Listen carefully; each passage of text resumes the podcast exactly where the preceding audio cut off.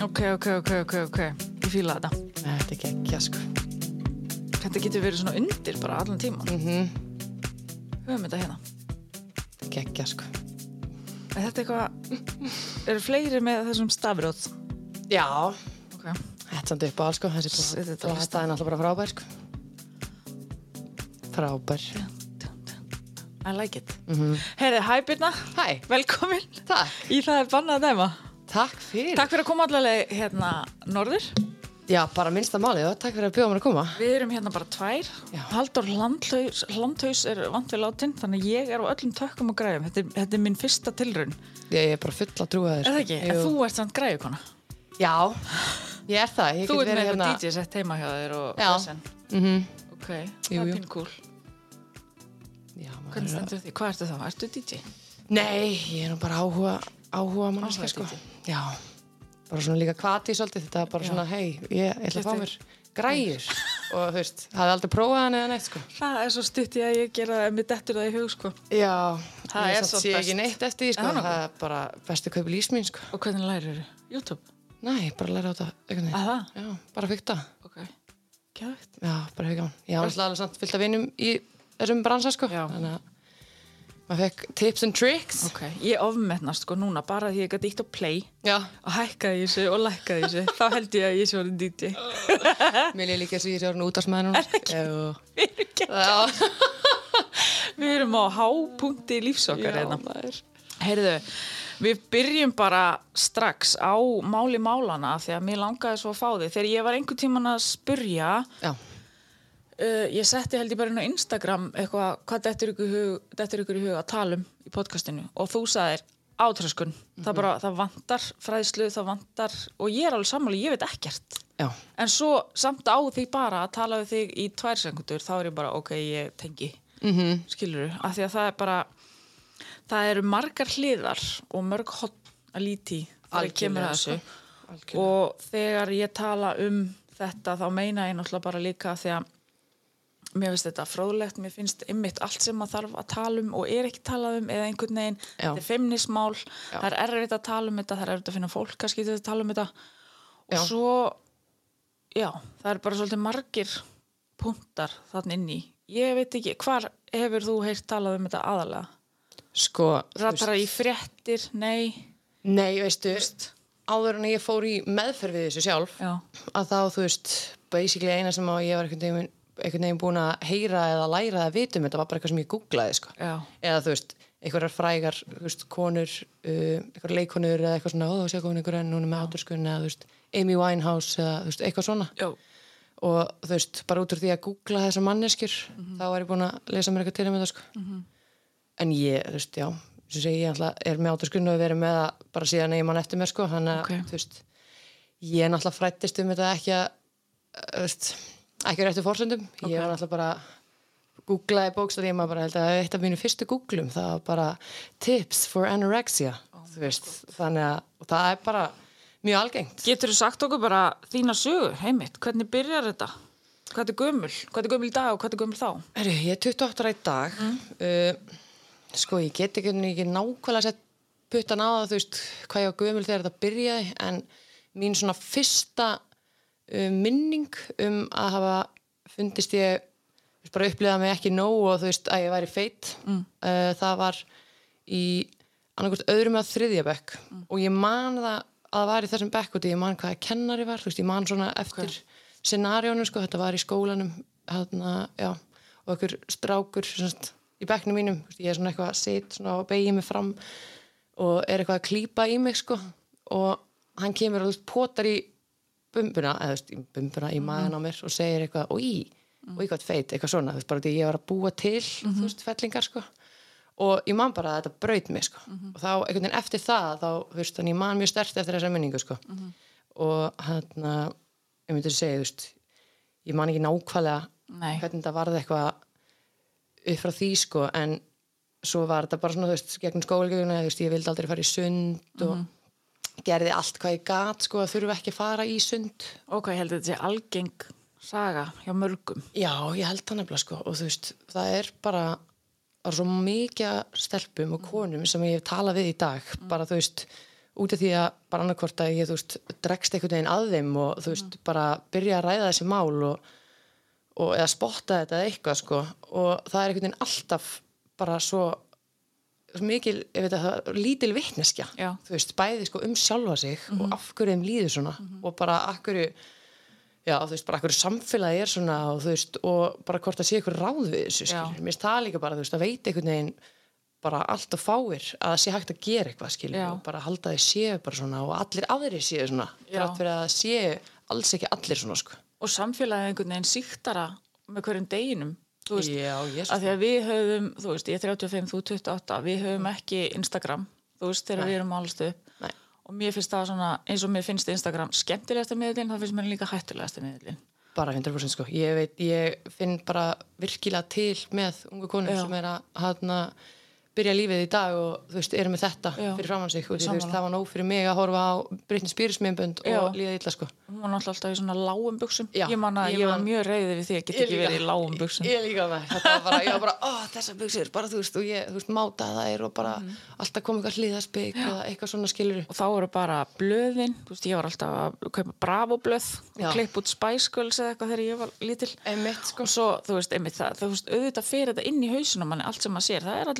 Einmitt það, er allir svo fullkomnir. Algjörlega, sko. og maður svona einhvern veginn, ok, af hverju er ég ekki svona og hvað er að Já. mér og allt þetta. Ég man einmitt mín fyrsta minning, ég held ég hafi talað um þetta þegar ég, ég þætti sem ég, ég tala um hjávitaðakirna sem ég fer í. Mhm. að mín fyrsta minning um að ég sé eða sé eitthvað að mér Mhm. er þegar frændi mér segir við mig, ég er ángríns ég er ekki hann fermdana, ég er að fá mér að borða við miðan dag og hann segir, heitist þar þú virkilega að fá þig meira að borða?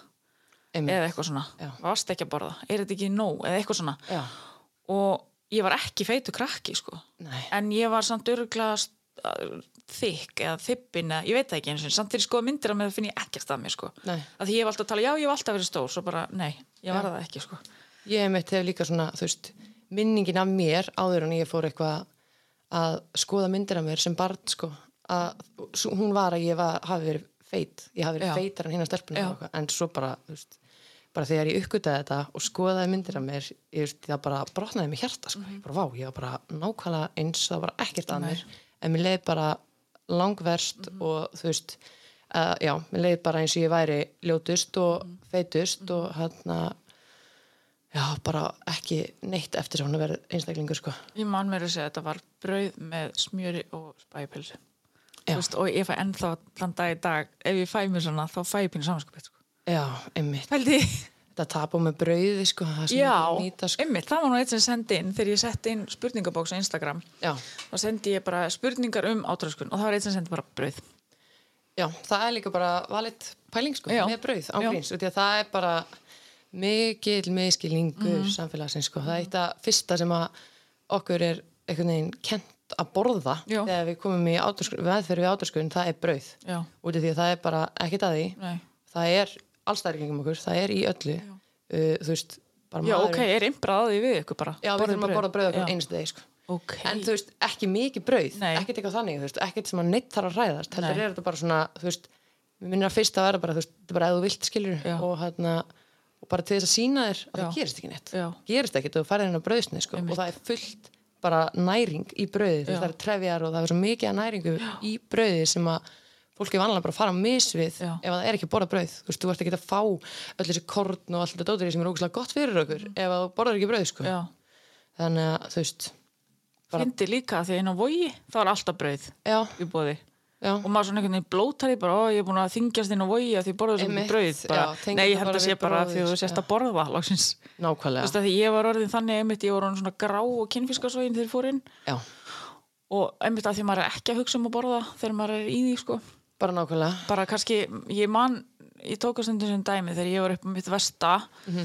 þá átti ég annarkot sko eina pítsu í viku eða snakkboka í viku Já. að því ég var bara að fá mér eitthvað bara Einmitt. salt Bara eitthvað eða smá. eitthvað smá bara ef ég fann ég var svenga því að það var líka svo vond að borða Já, ég var einmitt í svipum pælingum þegar ég var í, í neslu, sko. Það var, Já. ég var enda mikið í geiner. Er það? Ég var allir því, sko. Tók Ok. bara rátt eitthvað geiner og letismjör og leið á því, sko. Oh, Það bara alveg fáralega, sko. ok, Bara ekki þess að halda manni gangandi. ok en ertu, þú þú tengir, þú tengir þetta alveg saman átröskun og alkoholisma vissu Já. leiti er það ekki Jú, að mörgu leiti sko. Því að fyrsta sko sem að hjá mér var einhvern veginn að, þú veist, svona, þú veist, fólk talar um þetta andlega megin, mm -hmm. þetta tómarum sem að það er að reyna að laga, -hmm. eitthvað sem þú ert að reyna að laga við sjálfa og þú veist, að fyrsta sem ég man eftir að var að mér, það var, þú veist, bæði að ég væri feit, ég var ekki nóg og þú veist, ég var svo bílaslega mikið átt í hátíð sko, sem Já. var bara ekki greint og ég var bara, það var bara eitthvað að mér, ég náði ekki að muna neitt og ég var bara, þú veist, alltaf í vandræði með sjálfa mig sko Já. og svo, þú veist, einmitt upplifi ég fyrr, fyrr heldur en ég upplifi alkoholíska hegðun mm. það er, þú veist, meira átröskunni sko, þú veist, ég upplifi það undan einhvern veginn Ok. þannig að þegar ég fer að þú veist uh, fixa sjálfa mig meira með hana, áfengi og fíknefnum að þá, þú veist, þegar ég uppgötaði örfandi efni sem að öru til þess að ég þurfti ekki að borða -hmm. að það var náttúrulega bara himnunir opnuðust sko.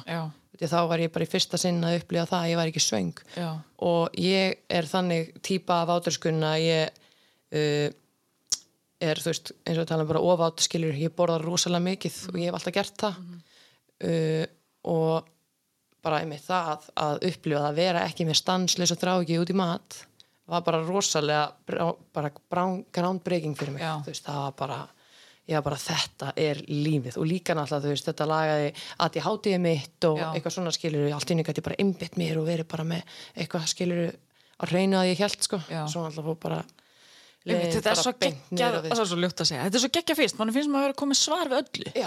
einhvern veginn, nú virka ég þetta svo fyrst byrjar alltaf að rinja sko.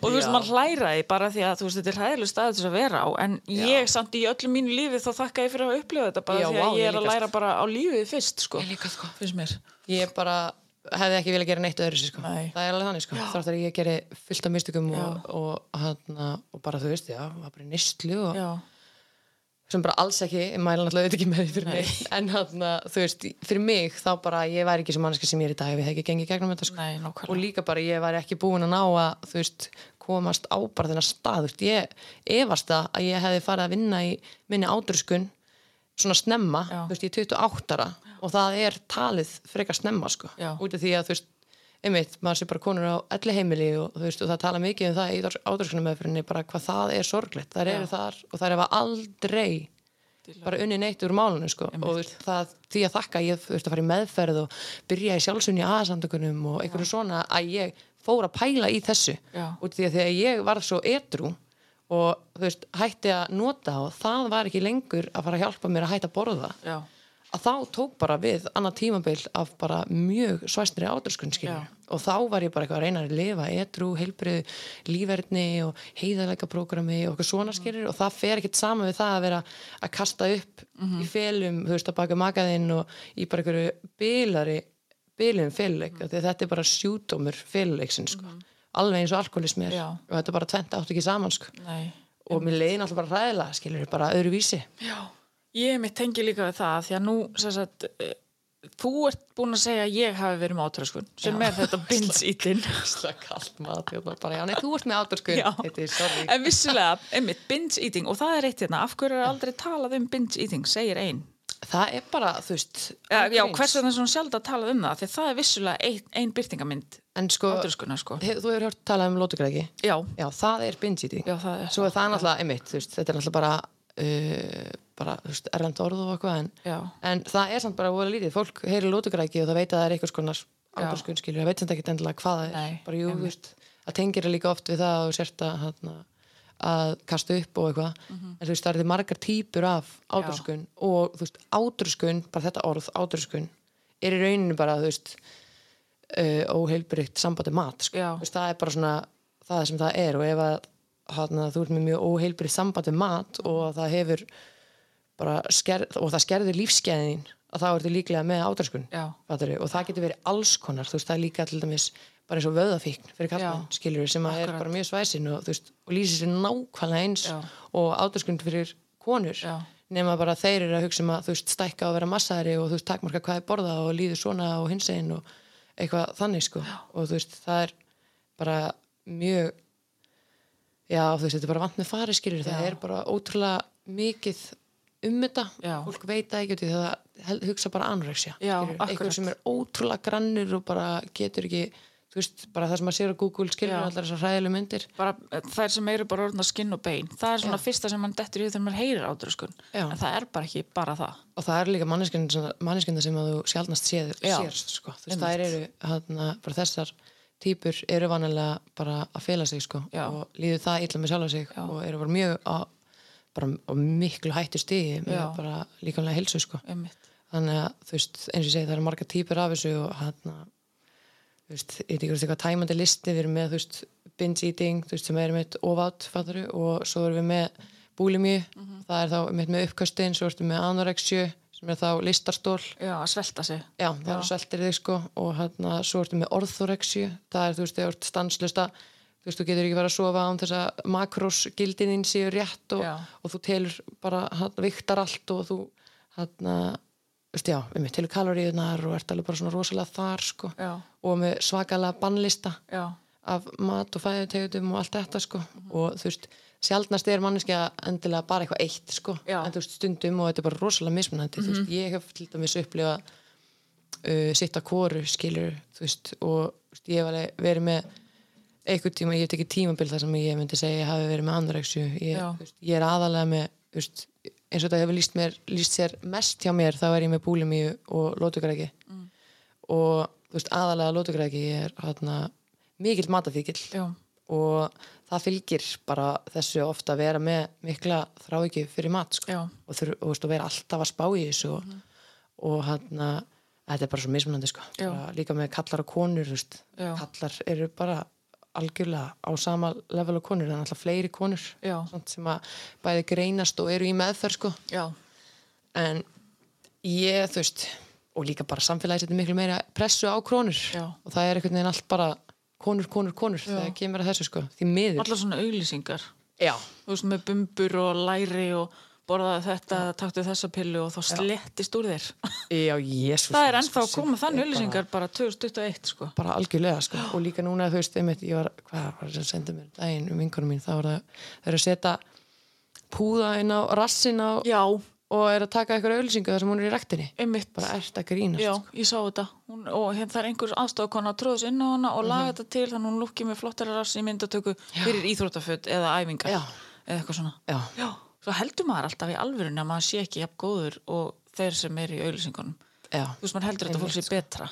Einmitt, ég einmitt sko hugsa alltaf, veist, draumur minn var að vera mótil fitness sko, var draumur minn. Og ég vildi ekki vera svona vennileg fitness, heldur mótil fitness bara ekstra grönn og, og bara, já, og hann að mér er svo gott, þú veist, og hún er svo frábúru margir gnarr sko, hún er komið rosalega vel inn á það sko. Já, og með þá geði ekki sko og þú veist, það er bara þú veist, ég man hún sagði við mig með þeirra konu mín hann í áturskrunum teiminu uh, ég var með einhverja mynd af, var að sína einhverja mynd ég bara, þú veist, hvernig getur Já. þetta verið í ólægi, sérðu alla vöðana og hún, þú veist, benti mér að hún leið þú veist, það sérst, þú getur talið rifbeinin hennar, Já. bara að þú myndir eiga hund, að þú getur talið rifbeinin í hundurinn, myndir þú segja að þessi hundur var í góðu standi já, ég bara Þú átt og ég á hunda hún var að að ná til mín sko, og hún sagði þetta ég bara, nei, vá.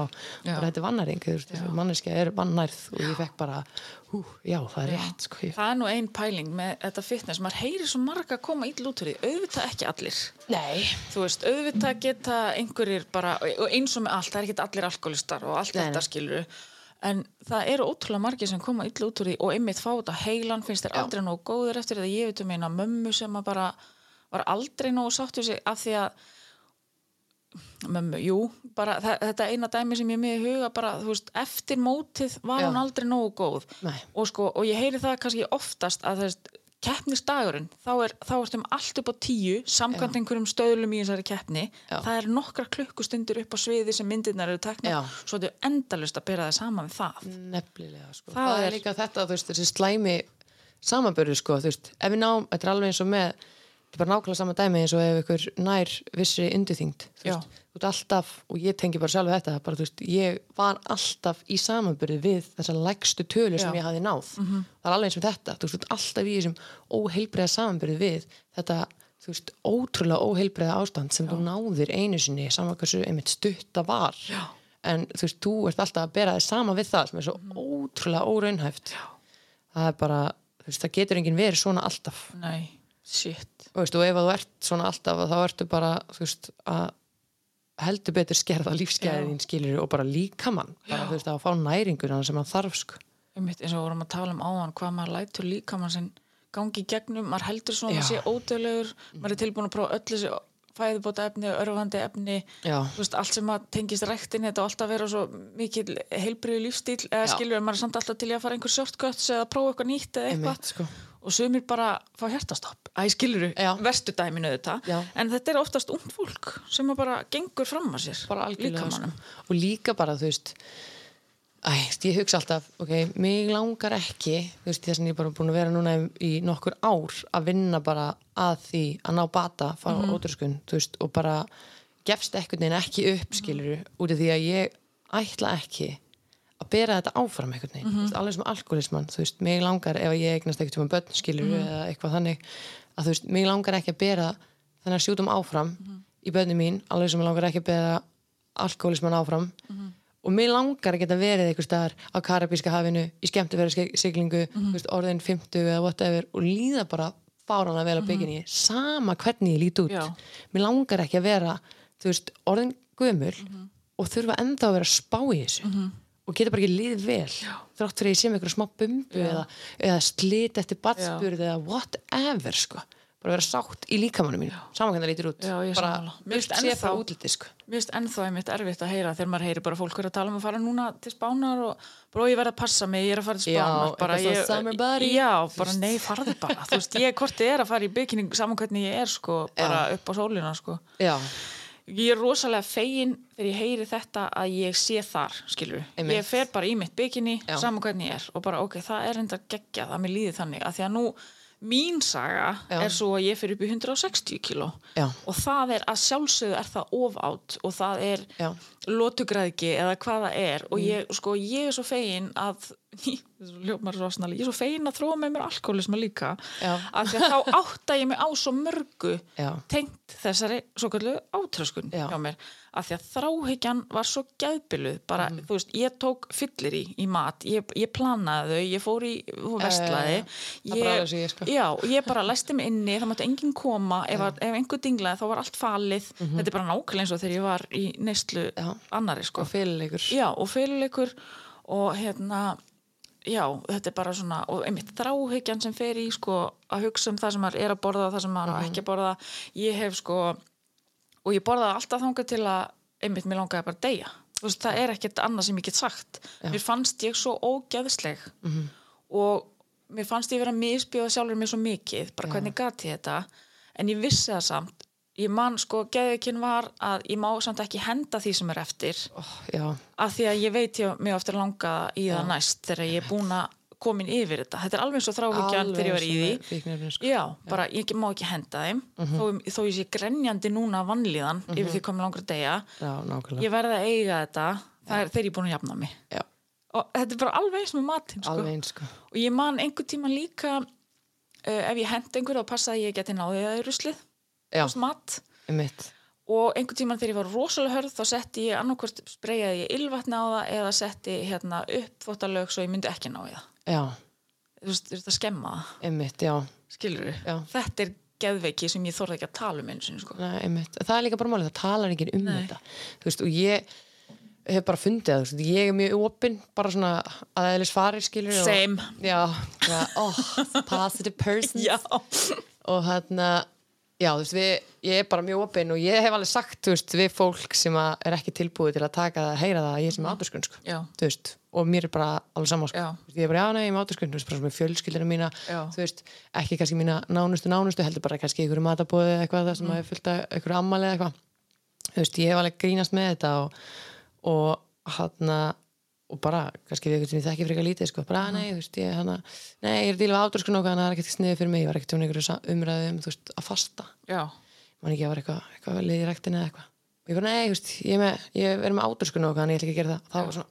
já, fólki finnst óþægilegt eins og þetta sé svo mikil skömm, sko Já. þú veist, sem þetta er Já. vissulega fyrir hann sem er að upplifa þetta og ganga gegnum þetta, sko en skömmin er einhvern veginn ekki eitthvað sem að á bara að fá að viðhaldast sko, Nei, alls ángríns. ekki. það er bara ótrúlega Það er svona svo gott að sé svona fólk sem hendur sér bara fram af því að eins og þetta með að fasta sem á að vera einhver partur af einhverju heilbriði Já. fyrir svo marga Já. er bara stór hættulegt fyrir aðra já, einmitt Það er nefnilega þetta, við getum ekki öll verið að gera það sama Nei. og við getum ekki öll farið inn til sama hatt í mataræði bara yfir Nei, höfuð sko. bara yfir höfuð sko. Ég er alveg svona mikill svona heilsu þú veist, ég pælir rosa mikið í heilsu og allt þetta skilur eins og bara margir sko en ég hef verið mikið einmitt svona undarfarin ár að kynna mér þetta Já. og einmitt hvernig ég get bara komið þessu best fram með líka mér sko. Mhm. og eitt af því er ofta einmitt að gefa honum pásu Já. og ekki að vera að, að, að borða stanslust og, en veist, fyrir mig þá er bara matur meðalið að Já. minni hilsu sko, þú veist, ég má ekki vera að takmarka mér hvað ég borða og þá tekur bara einhver önnur geð ekki við sko. Og um leið og ég byrja á því þú veist, þá einhvern veginn þá er ég bara komin í, þú veist áturskunar hefðun, sko, þú veist, það einhvern veginn en ég hef svo oft verið alltaf að grípa mig það aftur, aftur, aftur, þú veist, bara ég er búin að sko, ég er með svona hana, svona trick sko við sjálf mig að ég er búin að aðskilja áturskunina frá mínum eigin persónuleika. Ég, Ok. kalla, ég er búin að skýra hana allt, hún er átildur Ok, bara þú veist, þannig að ég geti verið þú veist, að að veist, greina, þetta er bara það sem hann er kent líka í meðferðinni Já. og fær fullt, þú veist, þetta er bara að besta sem komið fyrir mig, það Já. er þessi meðferð sko. Já. og það er með, þú veist, að vera bara að reyna að greina eigin hugsanir, þú veist, hvað er þú, hvað er bara raunverulega þú, og hvað er áturskunin að Já. tala, skilur, hvort Ok. er það, hvort er þetta áturskunin tengt hugsun eða er þetta raunsætt, skilur Já. og hann og það, þú veist, svo pæling er bara mjög sterk eins og bara, þú veist, ég hana, gengi í dag í ljósum galaböksum eins og ekkert sé. Já. Það var svo sannlega ekki málið. Ég Ok. gat það bara aldrei Nei. og átti engar ljósa galaböksur. Og ef ég átti þær, þá voru það einhverjar galaböksur sem ég var í á djamminu og mér dreymdi um að ég geti ekkert tíma komist í aftur. Shit. Og þú veist, þegar ég fór að æfa mig Mm. í að vera í ljósum galaböksum, þú veist, þá þurfti ég bara að vera stanslist að varbergi fyrir átildi sem að er bara stanslist að bögga mig, skilur og bara, oi, bara þú veist þú getur ekki farið svona út. Já. bara shit, hvað er það þetta, sést bara alla á löpunum að þér, þú bara, þú veist, og allt þetta sem að kemur bara því að líta mig í speilin sko. En ég þurfti bara að takmarka það að horfa í speilin og veist, og þetta er líka svo mismunandi fyrir sumar, að þá er það eitthvað sem að tengist átörskunni að horfa ekki í speilin út í að það bara meiki ekki að horfa sig og þeim finnst það svo ógislar Já. og þú veist, hætta bara að fara í styrtu og Já. hætta bara að hugsa alveg um sig og allt þetta. Svo er eitthvað sem getur verið algjörlega í hina áttina sem að er bara alltaf í speklum Já. að spá og spekulera og bara þú veist, einmitt, bara missi sig í líta aðgerðum Já. og þú veist, mála sig ógeðslega mikið til þess að fela sig og þú veist, þannig að þetta er rosalega mismunandi Já. í alla og í hvað þráhyggju þetta fer kannski hjá Já. fólki. Og bara einmitt, þú veist, ertu bara ertu að svelta þig Já. og borða ekki neitt eða ertu í ofáti Já. ertu, ertu, ertu, með eitthvað lósunahæðun þá einmitt eins og annarkvort geti verið bara að stunda bila mikla líkamsrækt Já. skilur það er þú veist, í rauninni lósunahæðun Já. að losa þig við það sem þú borðaðir Já, því þú ert alltaf líka að fylgjast með mælinum hvað þú ert að taka inn af kaloríum og hvað þú nær að reyfa af þér Já, þú veist, þú ert alltaf að gera meira heldur en það sem þú ert að innbyrða Já. og, og einmitt, eða ertu að kasta upp eða Já. ertu að taka ykkur þværasislif eða ykkurar pillur eða eitthvað, þú veist, þetta er allt þú mismunandi mismunandi hérna, já, bara týpur Já. af hvernig þetta getur komið fram sko, í fólki sko. Sitt, maður þarf að vera var, varðbergi. bara heldur betur, sko. bara. Hvað myndir þú segja, þú veist, spottaði einhver hjá þér að það var eitthvað að eða þurftur þú að opna það algjörlega með það eða var einhver að fylgjast með eða benda þér á eða? Sko, ég, þegar ég var yngri þá man ég nú ekkert um þegar mamma heyrði að ég var eitthvað á mm. klostið að æla sko, þá var ég eitthvað að experimenta með það að þá, þú veist, og ég bara þá eftir það, þá man ég að ég tók tímanbilda sem ég, ég bara nei, ég get ekki gert þetta. Ég þarf bara að hætta þessu. Og þá fór ég bara að svelta mig. Borðaði bara epli, Já. veist einmitt, það var eitthvað sem ég Allan las á daginn, tips and tricks. Oh my þú god. veist, borðaði bara eitthvað eitt veist, eitthvað svona Já. en ég ekki að fara að gefa ykkur tips hérna, en þú veist, þetta er náttúrulega í rauninni ekki tips, sko, Nei. ángríns þetta bara gera nákvæmlega ekki neitt, ég fekk bara einhverja stíplu og ég stíplaðist bara, þetta ekkert kúka bara Nei, Nei einmitt, þetta er svo hættulegt og það er það sem við föttum sko. ekki í einu Þetta er bara rosa sniðugt. það er bara alveg eins og með alkoholism Já. sko. Þetta er allt bara rosalega góð hugmynd en mjög óheilbrið sko. og bara veikur einstaklingur að reyna að laga sig sko. Og veist, þannig að þetta er svona eina sem ég mani mitt eitthvað að einhverjum mínu heimili hafi hérna, spottað þetta sko. Já. Og svo einmitt, þú veist, svo flutti ég frekar snemma, frekar unga heimann og hérna og svo var það mitt ekki fyrir en ég varði edru og var komin í samband. Mm. að, þú veist, kærasti minn fyrirrandi hann var einmitt bara, þú veist, það var bara mjög erfitt þetta reyndi mjög á sambandið okkar. Já. Að ég var með þetta vandamál sko, þú veist, alveg bara bóks alveg á mínu verstu tímum, þú veist, hann að berjast við mig að fara hann á klósett sko. Oh þú veist, þannig að og bara margt svona, og þá væntalega ertu ekki bata, þá ertu bara veik. Bara rosalega veik sko. og, hana, og alveg þannig að þú veist bara, og það er mitt út af því ég fiknaði eftir Já. að ég hana, var eitthrú mm. byrjaði náttúrulega bara að bæta af mig sem er svo algengt. Já, sem er mjög algengt skilur, og svo líka bara, þú veist, ég var ekki heilbrið þegar ég fór inn í meðferð, sko, ég var bara, bara allt og létt og ég bara alls ekki vel út. Og þú veist, eins og ég er í dag, veist, ég er bara heilbrið en þú veist, ég mætti alveg bæta meira á mig og, hana, og það er bara allt í læg, skilur, Já. þú veist, og ef að það vinna með það Já, þú veist, og ef ég bæta aðeins meira á mig, þá er það bara ekkert að versta sem að kemur. Nei, en þegar það kannski gerist, þá líður mér ekkert vel með það, en veist, ég þarf bara alltaf að vera einhvern veginn að hjálpa sjálfur mér og vinna í þessu Já. og þetta tekur bara tíma. Ég er í öðru sambandi í dag og, og þú veist, það hefur líka reynd á sambandið og hana, það fyrsta sem ég gerði bara, Mm. Bara þegar við vorum bara nýbyrjuð saman, Mhm. að þá sagði, ég, veist, við vorum búin að ræða þetta og ég var búin að segja hann að þetta var eitt af fyrsta sem ég sagði hann um sjálf með einhvern veginn þegar við vorum að byrja að tala saman. Það var bara já ég er með átuskun Já. og það var eitthvað ég meika ekki að hitta hann eitthvað. Hann var eitthvað alltaf læg og ég bara já veist, ég er með að hann vissi að því en hann vissi ekkert um það. Nei, hann vissi ekkert meir skilur, hann var ekkert að vita hvað hann var að ganga út í rauninni sko. Og, en munurinn á mér í dag og þá, sem sagt með fyrrandi kærastunum mínum er bara gigantískur Já. og ég sé rosalegan mun Já. og mikinn bata sko, Já. sem að bara raunverulega er sko. En kærastin minn í dag er alveg að prættu við þetta og kærastin minn fyrrandi sko. Já. þrátt fyrir að veist, þetta er miklu skárað í dag og hann en þetta tekur bara tíma og, og þú veist eins og ég segi, þú veist, já, það, ég man ekki hvað er talað um, það er eitthvað svona þum betur regla en hversu mörg ára þetta tekur uh, en þú getur náð fullum bata frá átöskun, Já. annað eins og með alkoholism það sem að þú veist, þú ert alkoholist allt þitt líf og þú ert Já. að vinna í því allt, að því allt þitt líf sko. en þú veist, bara ég hef verið með hann að stelpu í meðferð sem að sagði mér bara raunverulega frá því og því ég var svolítið búin að þú veist út af hvernig meðferðin er og svona þá fannst mér þetta svipað alkoholiskri meðferð sko. Svona hugmyndafræðina bak við þetta sko. bara, og þannig að ég var alveg bara búin að ákveða að þetta væri bara eitthvað sem ég myndi alltaf þurfa að vera með alveg svo alkoholismin og ég myndi aldrei losna við þetta sko. Já. og svo tala ég mitt við eina sem var með mér hann í meðferðinni og hún segir mér að hún sé bara uh, nýkomin aftur og hún var búin að vera sað, bara hennar mati bara áturskunnar laus bara í mörg ár Ok. og svo lent hún í áfalli og það, þú veist, þá tók við svona annað tíambil hjá henni og ég var bara í alveg það hægt og hún var bara að segja mér scenaríu sem ég bara trúði ekki að vera hægt Já. en ég var bara, wow, ok, þetta vil ég Já. og þá einmitt var það líka bara ég fór bara alltaf í sund og mér bara alveg saman hvernig ég leit út Já. og þú veist, og ég og þú veist, hann hún var í, í, í smá yfirþing þessi Mhm. og, og hún bara, bara ótrúlega satt með sig og saman hvernig leit út og hún bara, ég kan bara borða allt og ég borða aldrei eitthvað allt og mikið og, Já. og þú veist, ég þurfti ekki alltaf að vera eitthvað að spá í þessu og ég er bara komin á eitthvað stað, bara eitthvað guðdómlega stað fyrir Já. mér, sko, þú veist, það þurfi ekki að vera að spá svona mikið í Já. þessu og eitthvað díla við svona mikið tilfinningum annarkvort áður um borðar eða eftir að borðar eða þegar þú borðar veist, allt í kringum mat sé svona erfitt sko. Því að við, einmitt, það er oft sagt sko að hérna uh, ég man mér þess að þegar ég var hérna í ofþyngd að þá grét ég og óska ég bara, ég, af hverju er ég matafíkill? Að því ég þarf að borða. Ég vildi óska að ég verið frekar Já, bara gjörðu svo vel, bara ég fekk það líka. Já, já, já. en skilur be careful what you wish for, ég talaði um þetta áður. Já. en þú veist, það er einmitt það, þú verður að borða.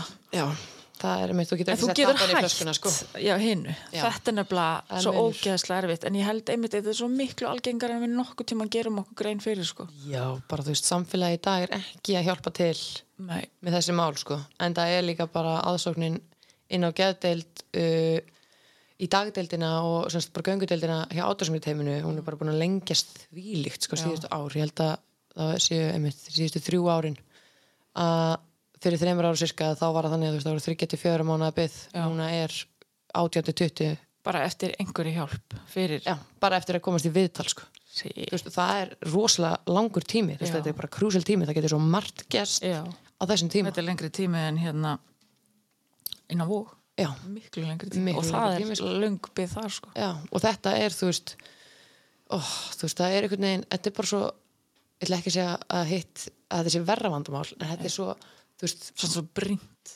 já, út af því að það eru allir, þú veist, það er ekki allir sem neyta áfengjusvíknefna, Nei. það eru allir sem borða skilur, og það eru þú veist, já, þú veist, það eru allir sem upplifa þessa kröfur Mhm. frá samfélaginu, þú veist, það eru þú veist, fólk er mismóttakilegt fyrir þeim og hvort það þú veist, pælir í því og sé við sama höfuð, Mhm. en það er einhvern veginn bara svo mikil pressa og það er svo mikið um þetta og þetta er svo mikið falið Já, sem að er bara ótrúlega slæmt og líka það að það er svo lítil fræðsla sko. þú veist, það er einhvern veginn engin fræðsla að mínum áður sko. Ummitt, ég veit ekki, ég fyrir að pæla í því sko, ætla að sé vera veist, mér veist oft vera þannig að það er ekki talað um hlutina til þess að vera ekki að triggera til þess að vera ekki að gefa hugmyndir Já. þú veist, eins og ég fór alveg að pæla í því bara, þú veist, þurfum við að passa okkur hvað við segjum að því einhver, einhver geti tekið þessum góða hugmynd að einhver, eins og þú ekki að en það er bara svona eitthvað sem lærið mitt í meðferðinni þú veist, alveg eins og með, þú veist, neyslutal í, í áfengismeðferð Já. það er ekki að tala um hvað, er Hvernig þú veist, já, það, í einhvern veginn svona neyslu dæmi en þú veist, neyslu hefðunina og eitthvað, þetta er bara eins með þetta þú veist, maður á ekki að vera að tala um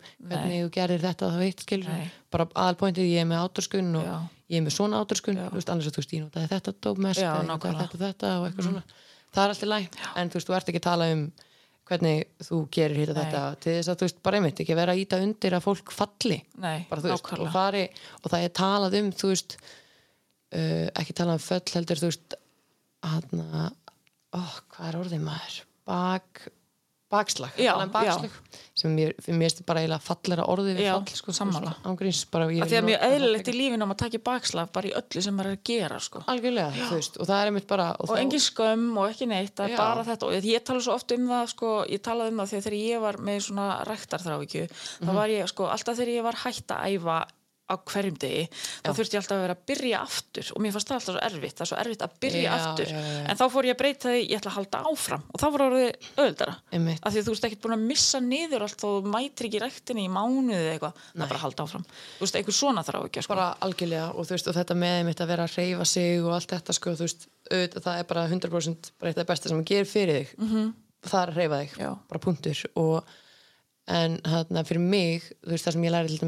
mm -hmm. þessari meðferð var það einmitt þú veist og mér var bara gefið þau ráð að ég ætti ekki að reyfa mig fyrir útlitið Já. bara þú veist, bara ekki gera neitt veist, sem að þú sért að gera til að líða vel Einmitt. þú veist, það sem þú færið út úr því að reyfa þig það er endorfín og serotonin framhengstæðan og allt þetta dótur sem að gerist fyrir okkur bara líffræðilega uh, og fyrir heilina okkur skilur það er það sem skiptir máli skiptir ekki máli hvort þú sért að líta vel út hvað er svo mörgum kaloríum þú brenna og allt þetta sko og það var ekki fyrir en að ég fór að taka þetta hugafar með mér í reyfingu sem ég fór actually þá á ná árangri þar, þá meina ég þú veist að ég helst í ykkur sko. Já. þú veist ég var í fótbolta allt mitt, bara alla mína æsku og Já. mikið í íþróttum og hreyði mig brjálæðislega mikið sko. og bara mitt ör og orku mikil krakki sko. Og hann ég þurfti aldrei að passa hvað ég borðaði og eitthvað og bara þannig ég hef alltaf verið í mikil reyfingu einhvern veginn og, en þegar ég varð edru ég reyði mér náttúrulega ekkert eitthvað í rektinu og eitthvað í neyslu skilur en hann þegar ég var edru og uh, fór svo til meðverð 2013 Já. og byrjaði þá eitthvað mitt að reyna að reyfa mig og gera eitthvað að þá var alltaf bara út frá þess að eina ástæðu að ég þurfti að létta mig Já. og ég þurfti að þú veist, koma til mótsið það sem ég var að borða og ég borðaði svo mikið og bla bla bla og allt þetta og ég þurfti að gera eitthvað til þess að líta betur út. Og það bara, ég helst ekki til lengdar skilur, ég tók ég veit ekki hversu miklu peningum ég eiti í enga þjálfara, þú veist, einhver námskeið ég fór crossfit, ég fór bara í allan anskotan og var bara að reyna og reyna en einhvert einasta sinn sem ég labbaði inn í ræktina að þá leið mér illa. Já. og ég var í samanbyrði við alla aðneini og mér langaði ángríns bara eiginlega aldrei að fara. Ég var alltaf að fara mótnana inn í helst einhvern lokaðan, dökkan, spinning, jókasal eða eitthvað þannig að enginn geti séð mig. Já. og þetta var allt eitthvað svona, ég fór aldrei í sund þú veist, allir eitthvað, að líka með sund þetta er eitthvað, ég bara nei, hann, he, alltaf með eitthvað leðilega afsakanir og, og þú veist, ég gat bara ekki farið í sund til dæmis, þú veist, bara allt mitt líf nema þegar ég var út úr ruglið á því bara, þú veist, og þá var ég bara, vá, ég get þetta. Já. þú veist, eitthvað. Gerfi egoið mætt. þannig að það bara eitt og sér að ég geti bara í dag farið í sund Mhm. -hmm. og veist, ég komið svo langt og það er svo geggjað, veist, og þetta er eitthvað sem að mér fannst bara ekki séns að ég myndi nokkuð tíma að geta sko. Mhm. bara aldrei úti því að allt mitt líf Varstu ekki duglega að hrósa þér fyrir það? Jú, og bara, minna það á bara hvað bara þetta er geggjað ég er sem bara búin að missa mig að kaupa fullt einhverjum bikini og, og ég er bara, "Ó, ég hef bara verið að kaupa mig Já. bikini og og bara, já, það er bara frábært sko. Og það er bara ógislega gaman í sundi Já, það er svo veist, næs. Mér finnst þetta besta hugleislan. já, og, Og bara að synda fara bara að synda Þarna það er skilur maður eftir síman Já. Þetta er minn besta kvíld frá símanum mínum. Sko. Ég ger ekki nóg af þessu. En það er einmitt hérna, sko. þetta með að fara í sund. Ég fór til dæmis ekki í sund mjög lengi að því ég var svo stór. Svo allt í einu, ég vann rosalega mikið í hausnum á mér að þetta er hann. Hann er það sem við erum að díla við. Já. Uh, þegar ég fyrir mína hjávatækjar og svona, af því að þannig, þegar ég fyrir hjávatækjarna þá held ég bara að ég sé að deyja. Ég þarf bara mikið inngrip til að fá einhverja hjálp og byrja einhver staðar upp á nýtt. En á meðan sko vinn ég það mikið í mér að ég fór, ég, ég er ógislega stolt að henni mynda mér það sem ég er í í 140 kíló og bara svona, og skrifaði eitthvað undir eitthvað how to have a bikini body. Have a body, put on a bikini. Já, þú já, veist, ég man eitthvað svona ég já, ég postaði það fyrir mörgum árum og ég repostin ennþá því ég er ennþá svo stolt af þessar stelpu Já. sem var bara, heyrðu, þetta, þú veist, ég er á lífi bara ég á lífi, ég á líkama og ég ætla bara að fá að njóta hans Mhm. og bara vera með í þessu samfélagi, þú veist, maður dregur sér frá svo mörgu og líka þetta með ræktina eins og núna er ég ekki búin að vera nýttulega fyrir ræktina og þá fyrir ég að hugsa og þá þarf ég, þú veist, þá á maður bara samtal við þessi hausnum, þú veist, ég eitthvað að ég verð kannski að kaupa mig kort hérna svo að ég geti farið í spinning, en þú veist, það skila samt einhverjum árangri hérna líkamlega séð að því ég fer, ég gerir svo lítið. En þá þarf ég að stoppa mig af að því að ég hausina mig þarf þetta, ég þarf útrásina mér vantar bara að svitna og bara fá hreyfinguna því ég vinn svo mikið og ég er alltaf einhvern veginn sömu stöðunni í vinnunni. Og bara, þú veist, þetta er fyrir mig, þetta er ekki til þess að líta einhvern veginn út einmitt. Og ég þarf að minna á, ég, ég á þetta samtal við sjálfa mig í haustnum, bara, heyrðu, þú ert að fara til þess að líða betur, ekki til þess að líta einhvern veginn út. Og þú veist, þetta lagar ekki á mér, þú veist, ég er með svo stór læri. Þetta lagar þau ekki strax, en má ég samt ekki bara fara og líða betur? Bara, einmitt, þú veist, ég var alltaf rosalega til dæmis óttaslegin um það, ég var alltaf, nei, ég er í ræktinni bara, ég tek ekki axlir. Já, því ég vil ekki fá Já.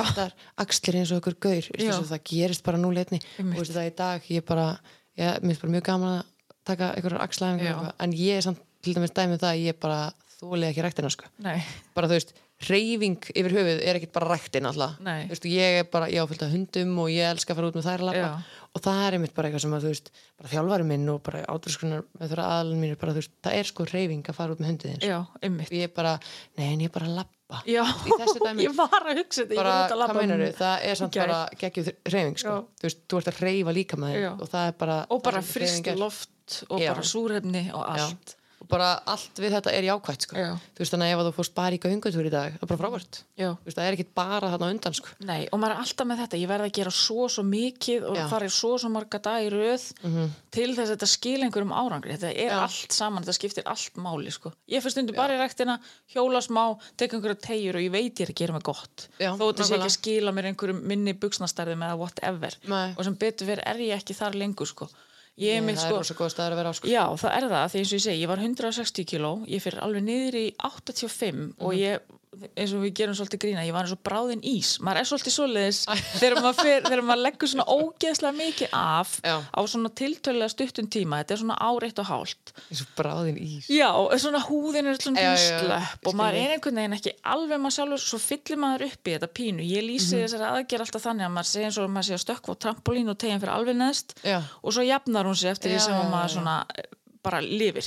Og ég núna, ég tala alveg um það þú veist, ég finnir í 85 og ég er alltaf núna millir 90 og 100 og ég er bara stór stelpa ég hef alltaf verið frekar þung og ég er bara sátt og mér finnst það svo gott að því einu sinni var bara horror að vera 100 kíló en svo bara allt í einu var ég 110 og svo allt í einu 120 og þetta var alltaf verra og verra, erfiðara og erfiðara og svo bara þyngdist ég og misti bara þetta var svo mikil þráhyggja sko. Já, En, hérna, en ég veit um eina og nú er ég, þú veist, það er alls konar aðgerðir í bóði, það er ekki fyrir alla og ég er ekki endilega, jú, mér finnst frábært að það séu, mér finnst frábært að það sé þróun í þeim og hérna að það sé hægt að, þú veist, ég þurfti að fara í gegnum kristnes, þurfti að fara alveg í lækna og hjúkrunar viðtölin og bara þetta var bara svona, þú veist, þú ég gekk ekki, nei, já, ég, fekk, ég fór ekki bara inn í hana, en núna er hægt að panta sko, sem er pínu riski fyrir suma, að geta bara gengið inn í aðgerð Já, þess að vera búin að sko, Ég hef hugsað um það að ég var ekki að til í það að bara taka ár Já. bara geta á mig gat Oh og my God. komast í þá þyngd sem ég geti verið í til þess að fara í svona aðgerð sko. og það hljóma svo hræðilega ég veit að það er sem var ræðilega en þú veist þetta er bara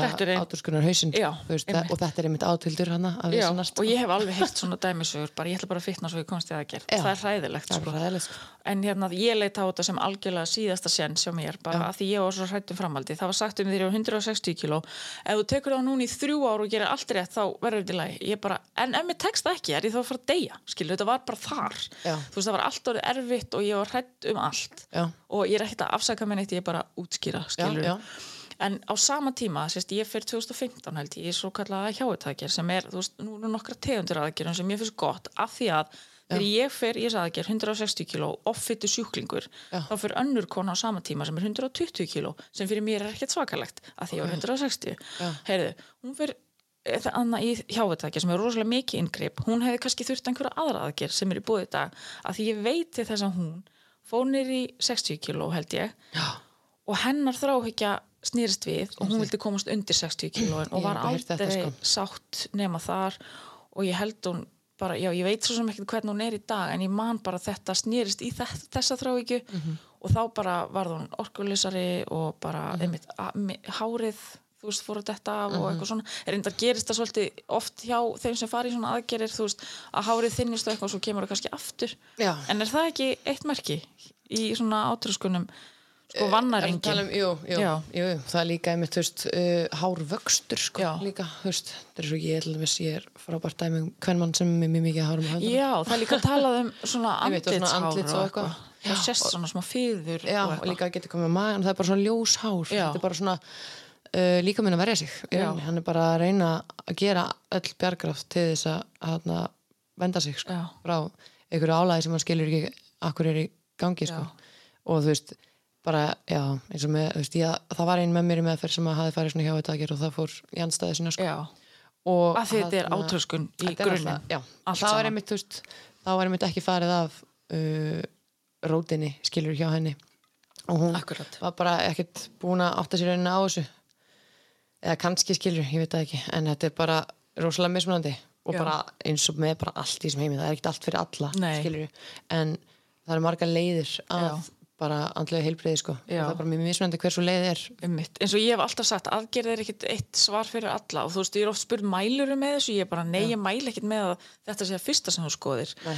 og eins, þú veist, hörbalega virkar fyrir fullta fólki og virkar bara til að koma þeim á stað Einmitt. og að vikta og eitthvað svona allt, það getur allt orðið geðviki Mhm. en það getur allt einhvern veginn líka bara koma á stað í betra, á betri stað Já. þetta er allt svo vand með farið sko, að maður Já, þarf að hafa algjörlega, augun, sko. maður þarf líka kannski bara að fylgjast með. Já, já, algjörlega sko, líka bara þú veist vera alert sko, allavega ef þú ert með áturskun eða með sögum áturskun að þá er bara allavega fyrir mitt leitið með það sem ég vil lært þá er bara þú veist gullna reglan að vera á einhverjum gullnum meðalvegi, þú veist, millivegi skilur ekki vera í íkjum Já. þú veist, ekki vera með þú veist, að útrýma einhverjum bannlista til dæmis að mat. Já, það var bara það fyrsta sem var tekið fyrir hjá mér hjá mér rosa bannlista. Þú veist, sem var bara hvað ég borða ekki og, hana, og bara step by step skilur þá einmitt byrjaði ég að reyna að setja eitthvað af þessum bannlista inn í bara fæði, bara fæði hjá mér Já. skilur og bara til að komast að einu hvernig var það? Var það erfitt?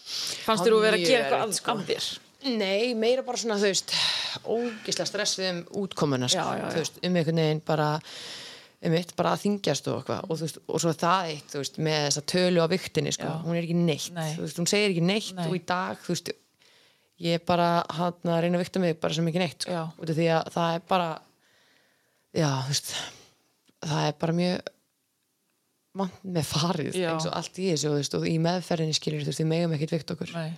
og hann við gerum það hjá fagaðila skilur, og það er farið með okkur og það er bara fyrir okkur til að sjá mm -hmm. alveg sem hjá mér, þú veist, viktin hjá mér hún breyttist mjög lítið hún breyttist eitthvað smá en bara upp og niður sveiflur eins og er veist, manneskjan er aldrei í sömu Nei. alltaf. Og það er bara, þú veist þess vegna bara svafstu vel í nótt Já. skilur, þá bara líka með þeim bara kannski safna á sig einhverju smá vögva eða whatever skilur, þú veist, voru jólin eða það er bara ótrúlega eðlilegt bara hvernig matategandi fara í mann og... bara algjörlega já, tíðarhingurinn og og bara allt þetta, þú veist, það er bara varst að kúka Já. þú veist, það varst aðeins léttari og, og sem er náttúrulega vikta sér bara fyrir og eftir það Já, einmitt, það er bara, ég hef alveg gert það sko, þú veist, það er bara til að tjekka veist, og þá er ég eitthvað að reyna að sirka út hvað ég geti þá miða við að væri að marka, veist, eitthvað svona bull sko.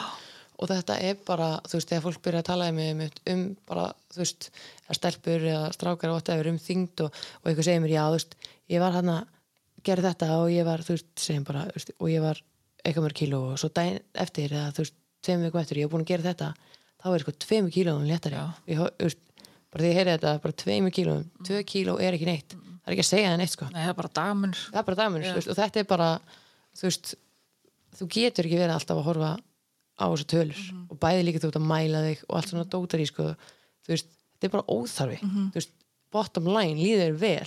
Ertu heilbriður og ertu að gera bara, þú veist, líka mannin gott sko, þú veist, og heilbriði þú veist, það er líka bara mjög mismunandi fyrir hvern og einn líkama þú veist, hvað uh, hvar, þú veist, kurvan er á þinni þyngd, þú veist, sum, þetta er svo BMI stuð, Já. þú veist, það er oft notast við hann, sko, en það er líka, þú veist hjá mér, minn BMI stuð til dæmis, þú veist, það er alveg, það er 14 kíló á munur, þannig, að, þú veist, það er 14 kíló það sem ég er heilbrið, þú veist þá meina ég, þú veist, ef ég er eitthvað þung þá er, þú veist, 14 kíló upp þá er ég ennþá heilbrið, sko.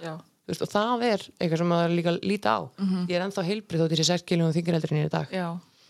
og það er bara ógeðslega mikilvægt að muna og vita og vera bara að reyna að vinna því að vera sáttur saman hvernig líka með þinn vill vera, þú veist, af því að líka minn okkar er ótrúlegur Já. og hann leitast til að vera í ykkur ákveðin þing þannig að hann funkar sem best. Já. og til þess að við fungurum þessi best þá verðum við að næra okkur vel og við megum ekki vera að banna okkur bæði bara fyrir hausina á okkur þannig að fáum ekki þrá ekki og bara þú veist bara að lifa lífinu. Já. og það er ekkit heilbrið í því að geta ekki fengið sér köku í amælisbúði sko. Þú veist, akkur ekki? Bara Þessi eina fokkin þessi eina kaka er ekki að gera neitt. Það er nefnilega sem er svo krúsjál og bara sem ég er búin að komast að þú veist, á því að þurfa að bara vera aðna í marga mánuði skilur og, og bara vikta mig hjá þeim og að sjá það bara að þú veist, þráttur eða komið til dæmis ég gleymi því aldrei, það var bara groundbreaking það kom páskar Mm. og ég er nú ekki mikill namigrís hef aldrei verið uh, bæðið að mér hefur bara fundist það vond sko, ég er meira bara svona, veist, snakk Hvað er að sko. þér? Ég elska nammi. Já, ég, ég veit ekki, pappi minn er líka svona ég hef eitthvað fengið þetta frá honum, sko, ég borði ekki svona lakri sko, Ok. Þannig Þetta er að- að fyrir vittleysu hérna. Já Þannig ég hef bara meira leitað því ég mitt eitthvað annað skilur, sætabröð eða eitthvað og þú veist, þegar ég komst að því, þú veist, það voru hann að páskar og ég bara eitthvað, ok, fann mér eitthvað nammi sem ég var skeggjað og, og bara borðaði fullt af páskaeggjum og alls konar og, hana, og bara leiði mér bara algjörlega, bara, það eru páskar Já. þú veist, bara heilbrið og þú getur bara borðað um páskana, þú veist, og að leika moment sem ég var, fór alveg gjörsanlega overbord og var bara, oi, þú veist, bara að kapna á einhverju páskaeggi hana Já.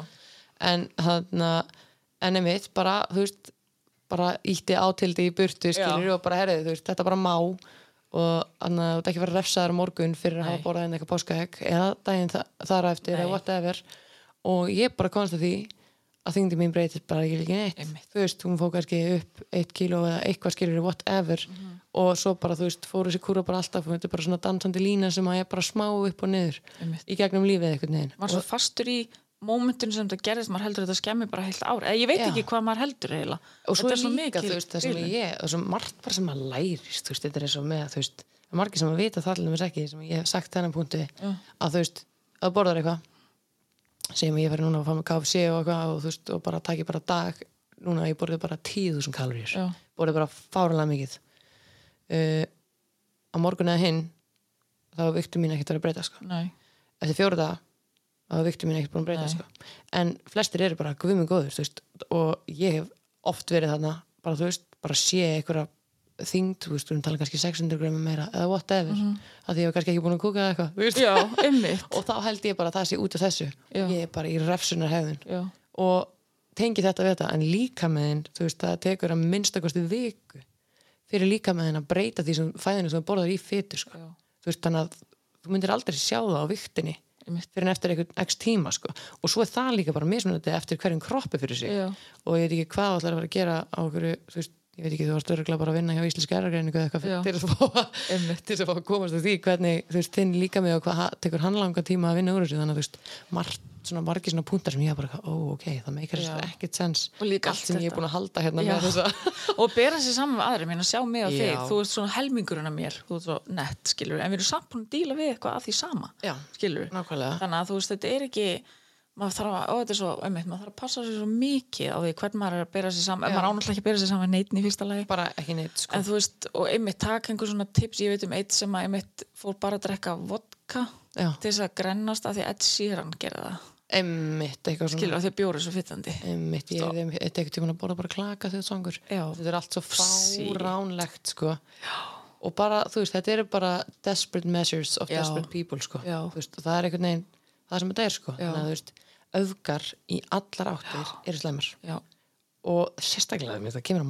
Já. Þú veist, það er bara, veist ég hef samt alveg farið í gegnum bara sorgarferli já, að því að mér, ég bara fæ virkilega eitthvað út úr því og hef fengið bara út úr því í mínu lifi að bara borða á mig gjörsanlegt gat og bara fútkoma og bara koksa því að ég get ómögulega trúðinu mig Já. bara einu korni að mati viðbót og þú veist það var bara sorgaferli fyrir mig sem ég þetta bara virkilega að díla við að sakna þessa líðan sko. að þetta var að gefa mér eitthvað og þetta Já. er alltaf bara flótið frá mínu tilfinningu já, og átur þetta er eitthvað hæ tilfinningaflóti sko. veist, það er veist, hann ég man það var alltaf sagt um mig akkurat að þessu veist, í byrjunum meðferðinni og þú veist, þá vorum við að tala um 2015 eða eitthvað þegar ég var fyrst að byrja að vinna í þessu mm.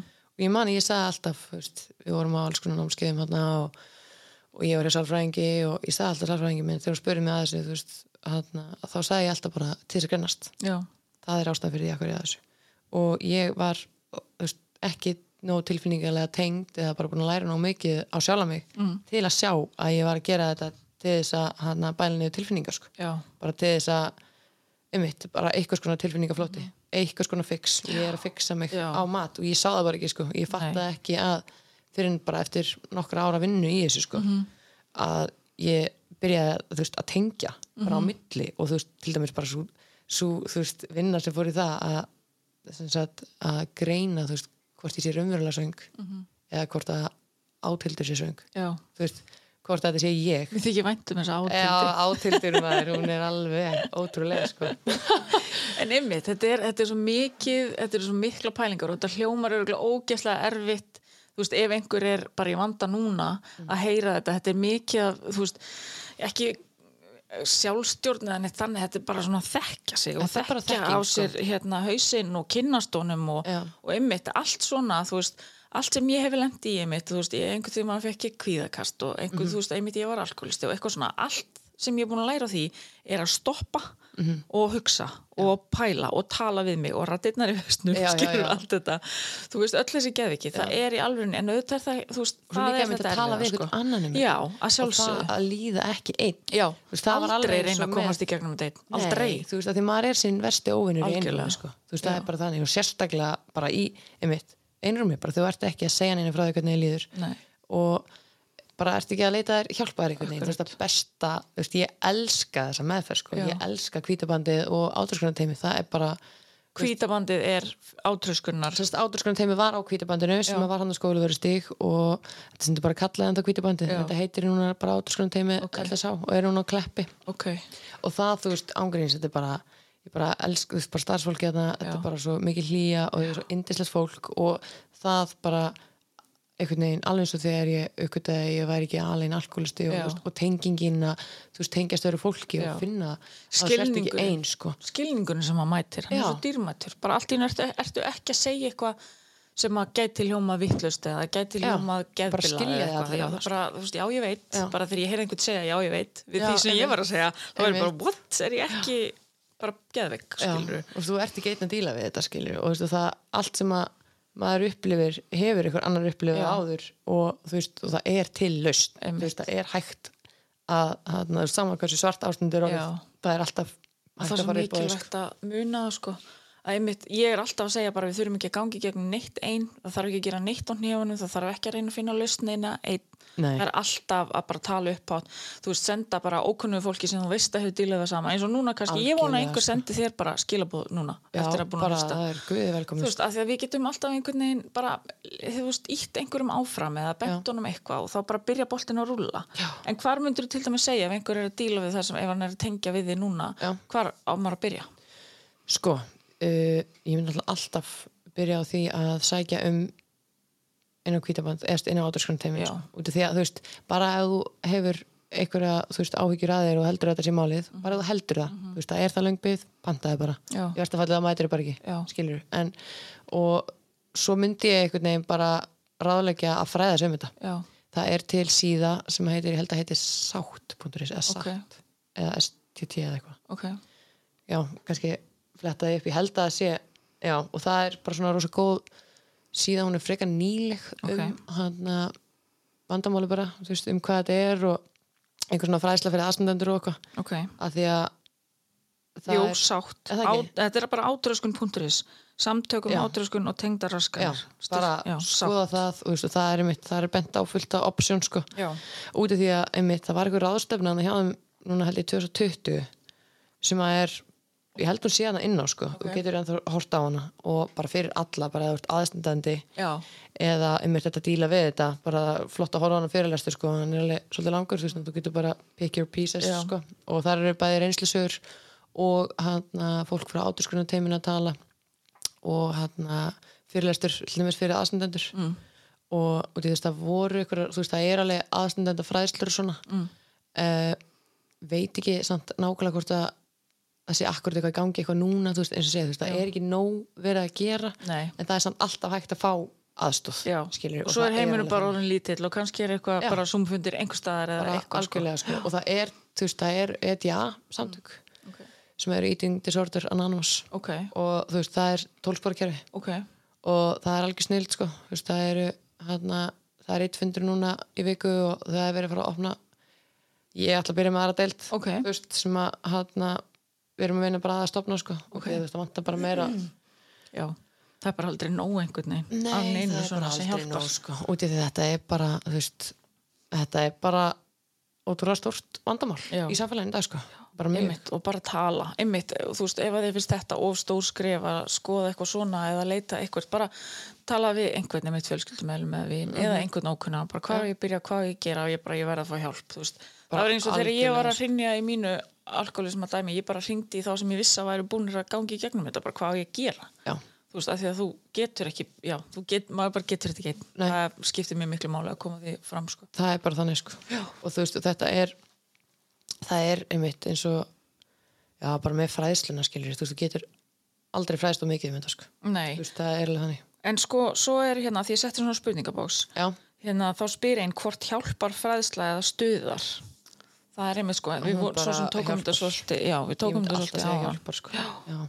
þú veist, kannski það er náttúrulega mjög vant með farið sko, hvernig þú nálgast einstaklega með áturskun það er náttúrulega bara rosalega uh, einstaklisbundið, en ef þú fræðið nóg já, og ég mæli með þessu fyrirlestri hérna inn á sátt, Ok. inn á áturskun.is sko, uh, út í því þú veist, það er alveg einmitt, bara mjög persónubundi hvernig hver og einn einstaklingur tekur við bara alls konar kommentum eins og bara þú veist, bara með mat skilur eða Mhm. bara með eitthvað hvernig það lítur út eða eitthvað, þú veist, bara einhver komment geta verið mjög erfið Já. og, veist, og bara ef einhver segir ég heldur þess með Já. veist, það er bara mjög mismundi hver, hvernig einhver myndi taka því sko Já. og þú veist, eða, ég, ég held að þú eru að leita að hjálpar eða eitthvað skilur en eða bara, þú veist, eins og með rós já, þú veist, þetta er bara rosa mismunandi þannig að þú þarf, þú veist það er bara gott að fræðis um það veist, og líka, ég held að sérlega með í einhverju fræðslu með þetta sem ég horfði ekkert svona á þá, þú veist.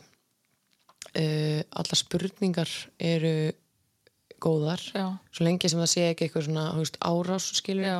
spurðu þá bara, þú veist, ef að manneskjan sérstaklega, kannski virkar þetta betur ef að manneskjan er, þú veist, að reyna að bæta sér mál, skilur og er gerir sér grein fyrir að sé með átuskun að spurja bara, þú veist, hvernig hana, finnst þér best. Veist, hva, og það er til dæmis bara eitthvað sem ég hef unnið með mínum til dæmis kærasta og fjölskyldu og sagt, veist, bara spurjið mér bara, veist, hvernig þið bara ef að þið hafið eitthvað spurningar Já. þá bara er ekkert mál að þið spurjið og þú veist og hana, bara hvernig finnst þér í lægi að ég, finnst þér í lægi að ég segja þér að bara grunna eða eitthvað? Eða skilur þér, þetta er svo ef ykkur segir, wow, þú lít svo vel út. Veist, þetta var alveg tryggja fyrir mig eins og. Og er það pottjætt já, þú veist, mér finnst það stuðar mig, en veist, ég læt ekkit eitthvað, veist eða stuða mig, mér finnst það bara alltaf einhvern veginn svona, uh, þú veist, Já. hvernig samfélagi er þegar það er, þegar ég labba inn í herbyggi og einhver, ó, vá, þú lítur svo ókslega vel út já. það var svona, já, ok, ég labbaði inn í það herbyggi Já. og það fyrsta sem hún tókst þetta er útlum mitt já Fattur þau, auðvitað samt og það fyrsta sem maður sér samt alltaf bara er er þú, Ég reynir hvernig með að hrósa eftir útliti þá er ég bara, hvort það bara þú ert sett glowing þá er Já, bara váðu gistlar bara, veist, það er það er líka bara ótrúlega fallet orð veist, og segja það skilur og alveg sama hvaða kíló bara, bara algjörlega skilur veist, ég hef oft fengið þessi komment þegar ég var á vestastæði átur Já. og það er mjög algengt veist, þegar, út af því að þegar einhver grennist þá er hann alltaf jákvætt í samfélaginu Já. og þegar ég var til dæmis bara á mínu versta tímabili sem var hérna með fyrirhandi kærþunum mínum Já. fljótlega þegar ég var edru þá bara, þú veist, ég náði að grennast uh, með mjög óheilbriði máta bara í fúlbrón áturskunni, Mm. bara sjaldan leiði að bylla Já. og ég fekk mjög mikið að heyra hvað ég liti vel út og vá, þú bara, bara þú lítur svo vel út, bara þú ert búin að vera að gera eitthvað hvað ertu búin að vera að gera og, og þá er alltaf bara, ég er bara, ég er bara í rekti, þú veist, bara bullandi skilur og, hana, og það er alltaf bara ítti mér í það, ok, þetta virkar Já. það sem ég er að gera, Einmitt. þannig að þú veist hrós, bara hrósaðu einstaklingum fyrir bara hvað hann er frábær Já. þú veist, eða þú þarfst að hrósa og það er alltaf, það er frábært að hrósa Já. bara ekki hætta því, en það er vant með farið að vera hrósa Já. fólki fyrir hvernig það lítur út sko. Já, það er það. Ég er mitt sko, ég verð alltaf svona pínu ringlu þegar mér er hrósað því að nú er búið að segja nokkur sem við mig það var sagt um mig núna bara í síðustu viku bara hættir þú ekkert að grennast og þú veist, ég veit alveg ég er búin að fitna aftur þannig ég er svona nei, jú eða, jú, jú, ég er ég búin að grennast ég tek ekki, eða þú veist, að því að nú er ég ekki að stíða viktina þannig ég svona veit ekki er, er eitthvað að gerast? Já, já, já. og þá fyrir ég allt einu að pæli og ég geti fengið, það, þá þrá ekki bara býtum Einmitt. við, nú þarf ég að tekka hvað ég þung bara, þarf ég þá að vera svona eða eitthvað svona.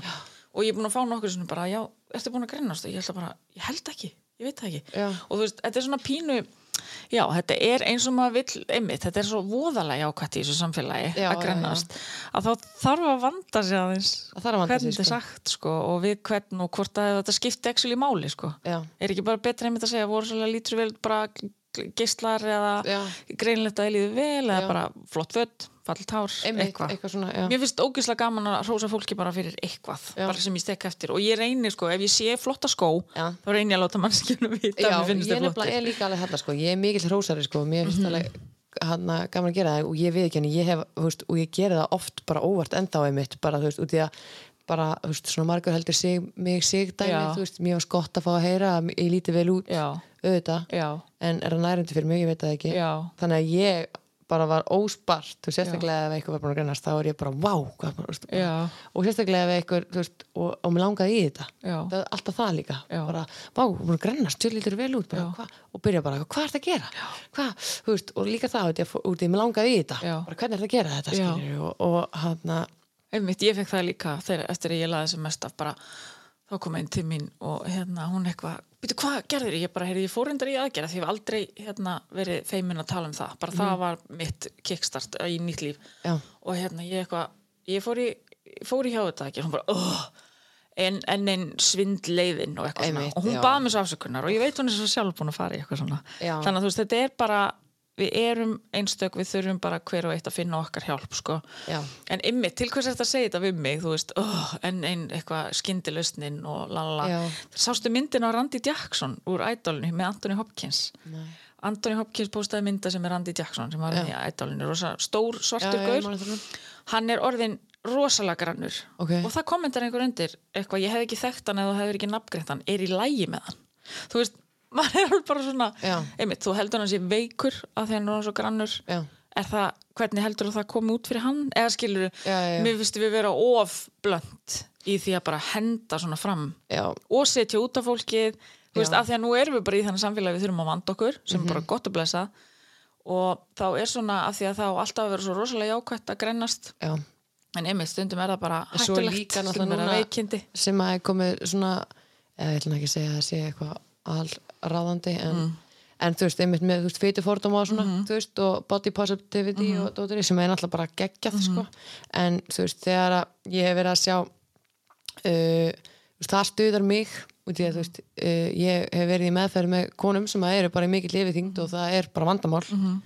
uh, fyrir þær að sjá bara einhverja konu í mikill lifiþyngd að segja að þetta sé í lægi já, það er heldur lægi nei, þú veist, það að vera, þetta er óheilbrið Já. alveg eins og að vera allt og grannur Já. er óheilbrið, þetta er bara hættulegt þetta báðar er hættulegt veist, og, og bara þú veist bara þetta sem við hugsa núna með COVID skiljur þú veist bara ok, ef að þessi tveir einstaklingar þeir sem eru, er ótrúlega grönn eða allt, allt og feit veist, það eru örgulega jafn miklum áhættu hóp það er ekkert eitthvað og mér finnst það líka bara sorglegt veist, að, að, að það sé ekki bara implementa meira á þú veist, það er engin fullkomin líkamsýmynd Mhm. þú veist, en þú þarf bara að vera helbriður, Já. skilur þú þarf bara að vera í næra þig, næra þig rétt já, einmitt, og vera bara, þú veist einmitt, bara næra þig rétt Já. ert að fá, og þannig lít ég einmitt á, þú veist, máltíðinu mín í dag eða reyni, þú veist, að bara, ok er ég að fara að fá nó, nó, næringu út Já. af þessari máltíð, skilur og þá ef ég horfi á, þú veist KFC, já, þá er alltaf svarið nei. Þú veist, þetta er ekkert að fara nærum eitthvað bila mikið. Nei, þetta er alltaf lægi af og til. En ég er ekki að bara að KFC ykkur einstu máltíð. Nei, nokkvæmlega alveg eins og ég horfa eitthvað ótrúlega glata salat, veist, þetta er ekki næring sem er að fara að duga með neitt. Þetta er ekki eitthvað sem ég get borða bara. Veist, þannig að þetta er bara að báða bóða ég get Já. ekki borða bara nammi. Nei. Ég get ekki borða bara salat, en Nei. ég get borða salat og nammi. Og, og ég get borða bara bara alltaf öllu, svo lengi sem ég sé að gera það á heilbreyða máta og ekki bara með þetta í einhverjum brjálaði mikjum Nei, nákvæmlega. Og þetta eins og ég var að nefna við áðan, nýjasta dæmi sem ég hef heyrt er að úlingar í dag sem er eitthvað með þá heilanum að líta vel út eða vera grannir eða whatever, að þá er sko, ef það stendur vegan á umbúðunum, þá eru þau að, eru að, eru að borða holt. já, Og þú veist, þá, veist, ég veit ekki hvort það sé nóg að standi að appelsínu safi sé vegan, þá er það gott sko, eða eitthvað, þú veist, það er bara allt, það er rosa passað upp á merkingar sem er bara gott og blessað, skilur að, þú veist, fólk viti hvað er vegan og hvað ekki því að stundum leynast einhverjar dýra afurur, fyttur eða hvað það er Já. í vörum sem að fólk bara vil sneiða hjá. En svo, sem, en svo, svo var ég að heyra því að einhverju krakka, já ég borðaði bara vegan í dag, en það er kannski ekki endilega, þau eru ekki að pæla í næringagildinu Nei. og stundum er þetta kannski bara snakk Bara og hvítlaugsbrauð eða eitthvað skilur já, já. Þannig að þannig erum við komin með nýtt. Það er alltaf eitthvað. Það er nefnilega alltaf eitthvað og, veist, og það er veist, það er eiginlega alltaf að sama í gangi. Já. þetta er bara svona mismunandi nöfn á mismunandi kúrum Já. sem voru einu sinni eitthvað annað Já. og bara einhver önnur típa af þessu þú veist og bara og einu sinni var eitthvað carbonite svo kom LKL og svo Já. kom núna hérna, hvað er þetta, keto og veist, allt þetta dótari og, og, og svo er carnivore og svo er vegan og, og allt þetta sko og ég einhvern veginn er bara þú veist, bara veist, flott ef þetta virkar fyrir þig. Já. og það er bara frábært. Og, hana, en fyrir mig þá bara virkar það ekki fyrir mig að vera bara carnivore það Nákvæmlega. virkar ekki fyrir mig að vera bara vegan. Uh, að því fyrir að fyrsta ég er náttúrulega bara á ekki að vera með bannlista. Ég har bara að borða það sem ég langar til það er til dæmis bara þitt já, en það er bara mitt, veist, ég er með áturskun og með sögum þetta, þannig ég get ekki farað að fasta. Veist, ég bara allir ekki að gera mér þú Ég segja okkur frá því þegar þú reyndir það? Heri, það gekk ekki vel, ég var að mynda að segja neina frá því, Jésús minn. Það gekk heldur betur ekki vel sko. og ég bara já, hvað var það langu tími sem það það voru nýju klukktímar, ég ætlaði að taka 24 hverju tíma fyrstu, bara út í að ég var að hlusta okkar podcast og þú veist og það var, ég myndi var bara að tala um heilsuna vegna já, þannig að ég var bara búin að samfæra mig og þetta væri náttúrulega bara, þú veist, mér langaði að geta gert þetta heilsuna vegna já, og út í því það á að vera gott fyrir kroppiðin að fá einmitt smá tíma Já. þar sem hann er ekki stansast alltaf að melta, melta, Já. melta alltaf, alltaf fullu sko. já, þannig ég raunverulega var alveg að hugsa þetta þannig sko. já. en svo náttúrulega kom átildur með eitthvað þessi og hann mætta svæði mætta svæðið og þú veist og bara hann um kvöldið, þú veist, ég var bara komin upp í rúm bara í fórstustellingu bara og bara, þú veist, já, mér langaði bara að skjóta mig bara, akkur ég væri svona, akkur er þetta svona auðvelt fyrir, ekki veist, kærastu minn sem ég dró með mér í þetta hann bara hann um að peppa mig Já. bara akkur er þetta svona auðvelt fyrir hann Já. og bara var komin í svakalar hugsanir bara hvað mun hann halda ef ég geti þetta ekki lengur það er bara komin fokkin nýju klukkutíma guðið minn góðu, hvað var mikið leið mikið Já. en skilur, þetta er bara komið í bara alltaf versta og þetta er bara Beint því að ég, þráhyggjuna. já, Já. bara beint í bara eitthvað geðveiki og þarna var ég aftur, þú veist, þetta er ekki langt síðan sko. og þarna var ég aftur komin það langt og ég er í dag að, Já. veist, að lenda á vekk sko. Já. og það er alltaf að fara veist, þetta er bara lærdómur Já. Þetta er bara endalus lærdómur og þarna bara komst ég að því aftur ég hef alveg áður ekkert sem að reynda fasta skilur Já. en það var einmitt 5-2 hérna Já, já, það já, var já, eitthvað já. það gegn það bara þægilega líka skilur og það var einhver annar greið kærustur sem fekk að finna fyrir skapin á mér þá sko og, veist, og ég er náttúrulega bara skólabókudæmi manneski sem að þú veist verður hangry sko Já. þú veist ég er ángríns bara svart og hvít þú veist ef ég er orðin og söng þá er ég bara orðin einhver satan sko. Veist ég er bara ég bara frosin í framann Já. og það gerst ekkert annað. Og ég er bara on edge einhvern veginn og bara ógislega óþægileg og svo bara leiðu ég veist komið með bara annarkvæm matinn í hendunar eða bara nálægt munni mínu þá er ég bara Já, þá er, er, já, þá finn ég bara fyrir bara þvílíkri slökun og bara velja hann sko bara að vera, veist, þetta er bara eins og manneskja sem að er í fíkn, bara ágæslega bara, að, svo bara veit hún að hún er að fara að sækja stöfið sitt. Það er nóg. Já, Það er maður. Og bara veist að hérna, komið með það í hendunar og þá bara eitthvað, næs, ok. En einmitt með þetta hérna, með það að vera svangur og einmitt að svelta svo eitthvað þú veist, þegar ég er svöng, ég verð bara svona ég hugsa ekki skýrt, ég verð rosalega orkulítil Já. Þú veist, þetta lýsir sér mismunandi hjá fólki en ég bara er ekki ég sko, mér finnst ég bara ekki afkastaninu og Nei, algjörlega, og það er líka bara, þú veist, bara heilin okkar að bregðast við, sko, veist, við þurfum orku uh, bara, og bara fæ, anna, orkuríka fæðu til Já. þess að bara, þú veist, ná að hugsa og vera til staðar og vera við sjálf, sko. Mhm. þannig að, þú veist, bara eins og þú veist ég, ég er í háskólanámi og eitthvað og, og þú veist, það er búið að vera rosa mikil gæfa í því að vera svona að vinna mikið í þessum málum, bara í náminu mínu, sko, Mhm. -hmm. út af því að hann, þú veist, ángríns, bara munun á því þegar ég er að hugsa ok, hvað er það get ég borða núna til þess að ég hafi næga orku fyrir lærdóminn sem Já, að, eftir kemur sko. og þá er ég ekki að fara að fá mér nammi skilur, eða, þá er ég heldur ekki að fara að fá mér eitthvað skýta salat. Nei. Skilur, þá er ég að fara að næra mér nógu mikið þannig að bæði blóðsíkur minn fari ekki upp úr öllu veldi eða þú veist bara, krass, æs, eða bara krassi skilur þannig að ég þarf bara að vera á tánum og þetta bara yfir höfuð er bara geggjað huga að fara að hafa skilur Já.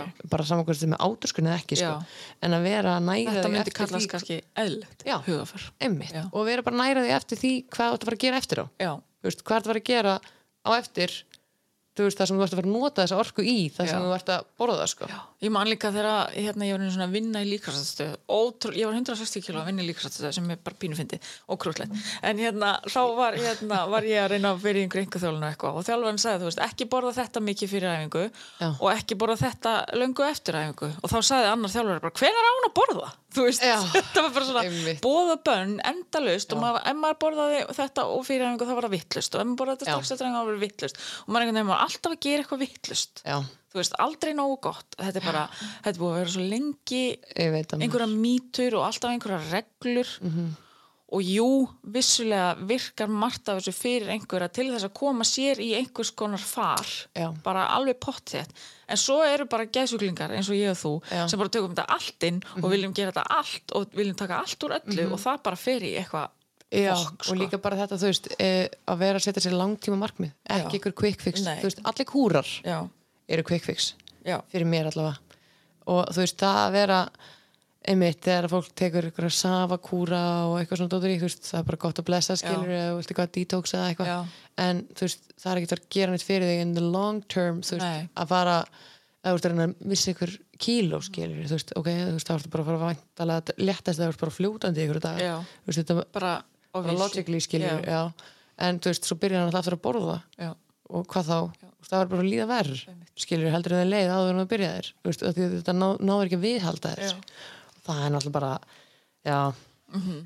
Hann dónitt líka alltaf að vera í með þessu kúrum og alltaf að breðast og ég bara þannig var bara allt mitt líf. Já, alltaf í ykkurum kúrum skilur og bara einmitt sem krakki bara, veist, borðaði bara epli. Já, mamma bara eitthvað, "Ó, hún bara elskar epli. Hún held alltaf ég væri að borða veist í skólanum í hátæginu og eitthvað, ég var bara að borða epli ekki neitt annað. Þú veist, ég mér alltaf bara, bara þú veist, en það Sé bara það stíplaðist ég bara, þú veist, Já, ég bara, gat- það fekk bara massífa hægatræð En svo er líka einmitt svo magna með hérna að því að þú ert að tala um þetta þú veist, alla þessa kúru og allt sem maður reynir. Ég fekk svo, þú veist, að því að ég byrjaði að fitna Já.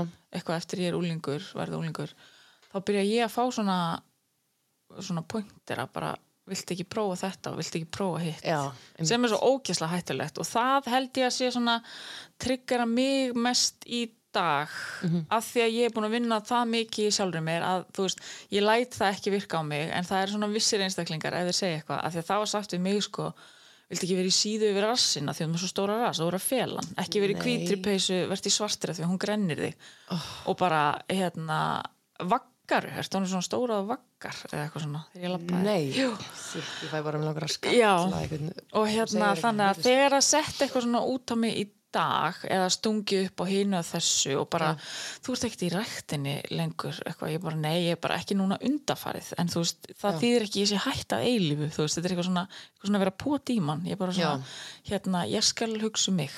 Þú veist, þegar maður er á það góðum stað að maður getur það, en þú veist maður þarf, að, það er svolítið vand með farið hvernig maður er að leiðbyrna fólki bara það er ekkert þitt að gera sko. bara ángríns, en ef ekki nema einhver byður þig um ráð nei, þú átt bara ekkert að vera að skipta þér að holda fara annara og það er eins með alkoholistan sko, ég segi það alltaf, þú getur ekki fengið eitthvað þess að hætta einhverju sem hann sér ekki að eða Nei. er ekki búin að klára sig á eða eitthvað sko. Og það, er það svo bara- fyrir aðstandendum mjög, og þetta er alltaf rosalega erfitt fyrir veist, þetta að mínum að þið er bara já, þú veist, basically þurfa þeir bara hjálp við því að vera aðstandendur. Bara 100% sko. Og það er eitthvað sem að ég bara hvet ef þú ef ert að hlusta að þú ert aðstendendi Já. bara guðana bæðinum, farðu og leitaður fáður ykkur hjálp, hluti í áturskunna teimið tjekka á þessu, fara þeirna sátt nei, Já, átrúskum.is mm og þú veist, er, það er alveg einhverja fræðsla að fá þar.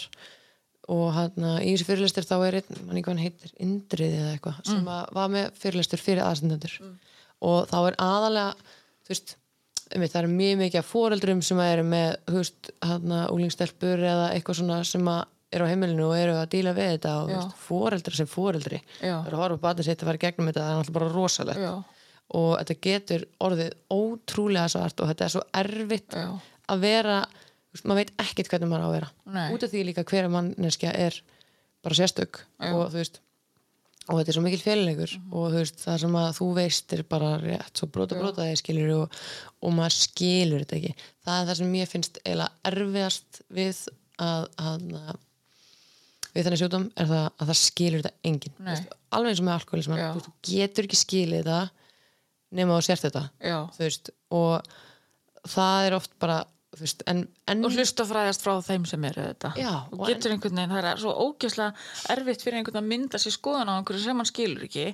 Veist, og það er þetta með, þú veist bannað að dæma, þú þarft ekki endilega að hafa skoðun en frættu þig, skilur þig, það er bara nummer 1, 2 og 3 þú veist, og öll fræðisla er góð. Það er bara þannig, frættu þig um hvernig það er, hvernig það lýsir sér og hann, þú veist, orsökin skiptir ekkert eitthvað öllu máli, þú veist, það skiptir ekkert máli af hverju, bla bla, þú veist bara frættu þig um þetta, veist, það er bara besta sem getur gert. Og þú veist ég mitt bara gerði það með kærastum mig núna og þú veist, það besta sem ég gerði fyrir sambandi mitt og bara fyrir mig það var hann í þessari meðferð.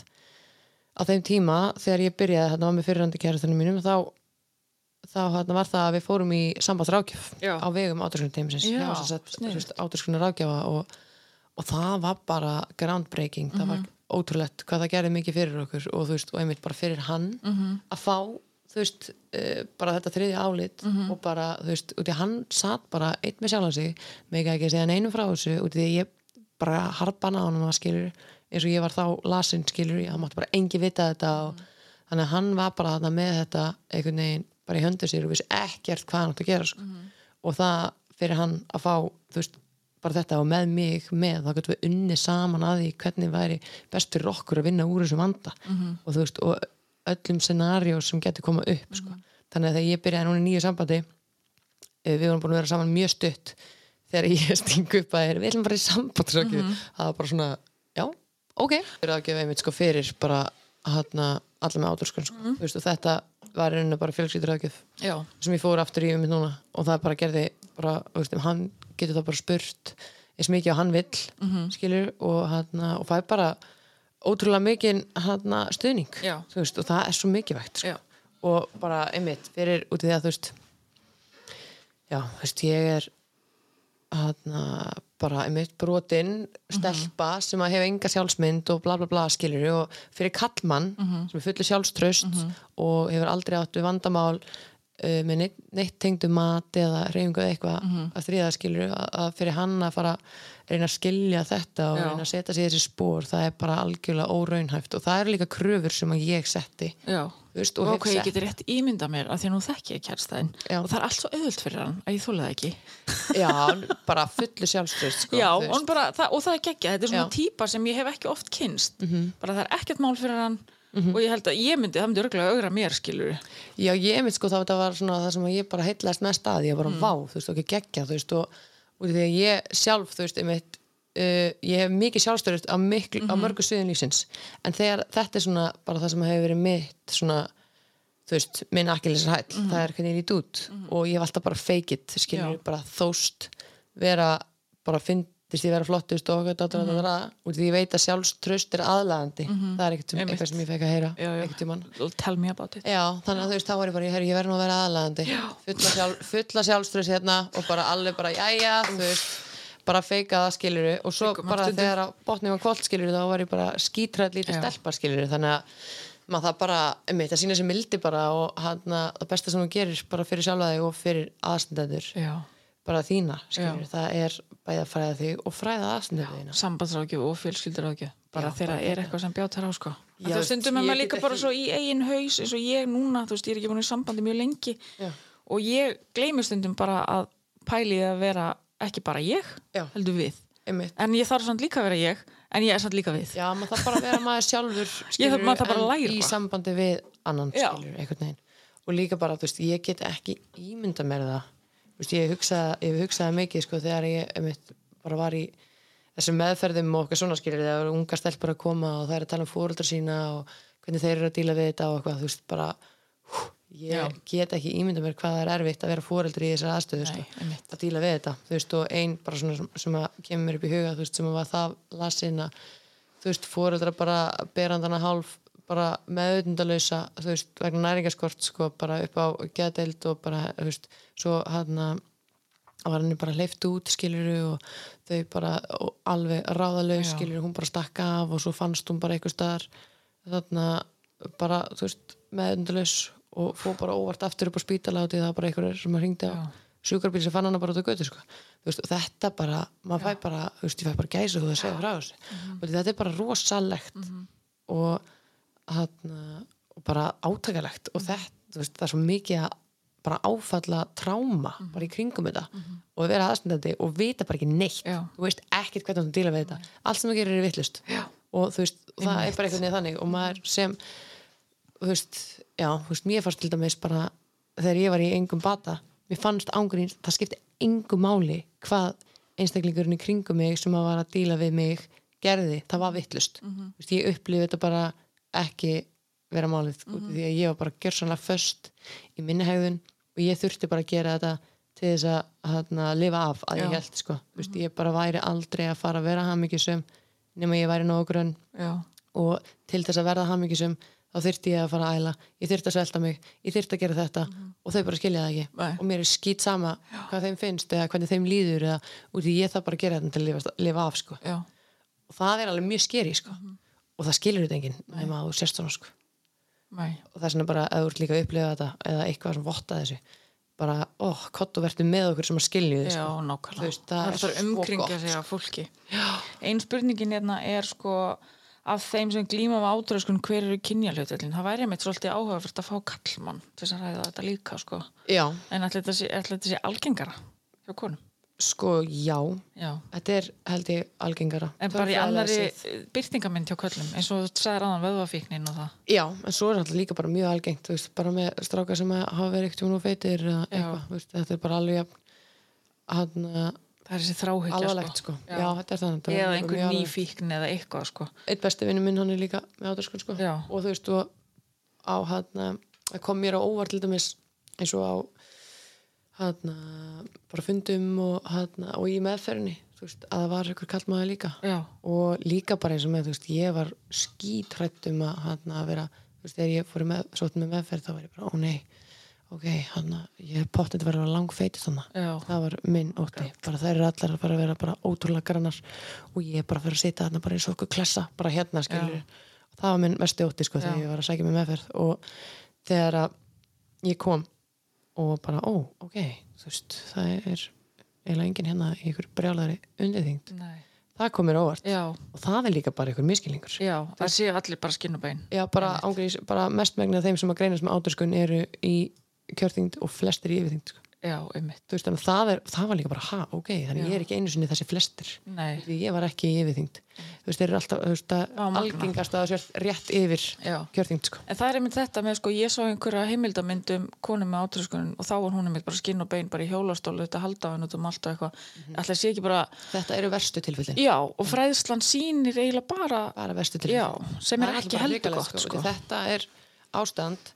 Þú veist, þegar þetta er komið þangað þegar þú ert búin að ná ykkur, það talaði um þú veist, þegar þú ert búin að ná ykkur vissu undirþyngd að þá er uh, batalíkurnar erfiðari Já. og það eru minni uh, vegna þess að þegar heilin bara upplifir þetta bara eins og með hungur þetta er bara að tala um þú veist þegar að börn upplifa í æsku þú veist fátækt og hungur að heilin breytist og það er þú veist eitthvað dæmi sem að gerist fyrir heilan á manni þegar maður nær svona mikill undirþyngd og er lengi vannarður og man ekki, þetta gæti að kalla það eitthvað hunger syndrom eða eitthvað svona skilur uh, og þess að allir mis þegar að konur eða kallar eru komnir í þessa undirþyngd að þá er alltaf ráðið að fara nú geðdeild og það er hægt, þú veist, og það er reynd að, að, að þingja þau til þess að koma heilanum í stand til að vera mótækileg fyrir upplýsingum út af því að þau bara heilinaður er bara það vannarður að þú bara getur ekki hugsað þú veist bara í bara einhver, það er bara svona fog, það Já. er bara einhver gufa einhvern veginn og þú nærði ekki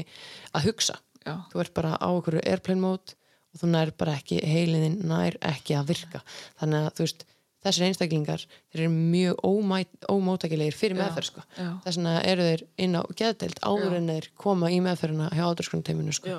til þess að ná einhverju vissi þyngd og það er bara rosalega erfitt og bara sorglegt að það sé bara sínt þessa Já. típu af ádurskunn og því að þetta er lokastíð Já. þetta er eins og þú ert með HVF og þú ert komið með alnæmi skilur, þetta er Já. bara, þetta er lokastíð og þarna líka ertu sko, þarna get einhver sannfært sjálf þessu um bara það er allt í lagi með mig, ég er ekki þarna. það er nefnilega líka máli Já. sko. ég hef bara allir til gert það veist, bara, eða þetta dæmi þú veist, já, ég, ég er nú aldrei ælt sko. nei, einmitt, ég er nú ekki verið í því. Akkurat. ég er nú bara duglega stundum með hreyfingu eða eitthvað svona skilur, en ef þetta er að skerða lífskeiðin þín, Mhm. þá á þann máta skilur að þú veist, bara ef þú getur ekki farið ammælega bara köku, sko, Já, fattur og ef þú getur ekki þarna, komið sér gegnum heilan dag án þess að hugsa um þetta Mhm. þú veist, ef að þú ert alltaf óánægð með þig skilur, þá, eða óánæður þú veist, þá er eitthvað að. Mhm.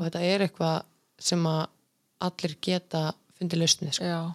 og já. eins og segi, þú veist, ekkert ástand er of svart til þess Nei, að og engin dagur verður kannski fullkomin eða ekki allir dagar meina ég. Ekki Nei, allir einmitt, dagar verður einmitt. fullkomnir en það getur alltaf verið betra. já, bara klárlega sko. og bara einmitt og, þú veist, og það að hafa sko eitthvað sem að einhver hérna, verkværi til þess að þú veist koma sér að stað aftur og allt svoleiði sko þannig að já, en mann finnst þetta líka vera sko, mér finnst ma- ótrúlegt sko að þetta sé ekki meira í umræðin út í er uh, ég nú las það nú staðar að þetta væri þú veist annar svæstnæsti geðsutumar eftir geðklóa og þetta er dána, dánatíðin er hæst. Í þessu? Í þessu, í alvöru, já, hæst sko af geðröskunum sko. Vá. Og það er sláandi. Þú veist, maður er bara, ok, þú veist, dánatíðin er hæst.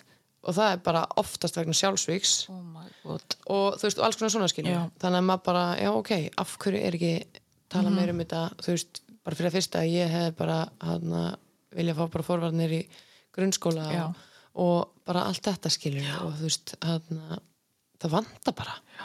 það vantar bara líka, þú veist, að Guð með góður á tíma með þess að núna sko já maður, veist, sérstaklega núna. Já. einhvern veginn, þetta er bara, þú veist, auðvitað það er náttúrulega bara að rjúka upp aðsókn já, og bara vonandi og veist, þá er þetta að fara einhvern veginn bara að batna skilur og við getum bara vakna fyrir þessu meira Já. þannig að það sé líka þá lagt meira upp úr því að laga þetta já, þú veist, laga hvernig bara, þú veist, stærðin á þú veist, heilbreyðis, hjá heilbreyðis já, dæminu sé sko, þú veist, að batterið sé stærra Já. að það sé fleiri starfsmenn og, og svo framvegis sko. já þannig að þú veist, það líka bara vantar talandi um að hérna það vanti umræðin og fræðsluna eitthvað, við erum búin að tala á þess að stoppa í einn og hálfum tíma Nei, Jú. Shit, ég er svo mikið spjallari sko. En ég er að meina bara, þú veist, ég var svona eitthvað, já, ég er sko ég sem með einhverja spurningar, en ég hef alltaf búin að kíkja það. Já, þannig að þú veist, við erum bara, já, stelpunar, en það er líka bara að því einmitt, þú veist, með því að ræða þetta, þá Já. koma flest svör við flestum spurningum, vantarlega, þannig að þú veist, þetta bara svona, Algjörlega. hérna, það er samt ein spurningina sem ég ætla, eða sko tvær, það var hérna, hvers vegna er svona sjálf að tala um binge eating, við einmitt, sögðum við þetta kannski í byrjun, eða voru þetta fyrir við byrjum að taka upp, ég maður. Nei, við segðum það held ég. Já, ok, Já. það er bara, einmitt, það er Það er lótugræki. lótugræki, já, já einmitt, ég var búin að spyrja þessu en það er náttúrulega bara minna að tala um það og það er líka út af því kannski það er ekki þessi uh, losunarhæðun Nei, og þá einmitt. er ekki verið að tengja þetta endilega við áturskuð Nei, akkurat, vorum skilur búin að það spyrja þessu, jésús, ok. En hvað triggerar þegar einstaklingur er í bata?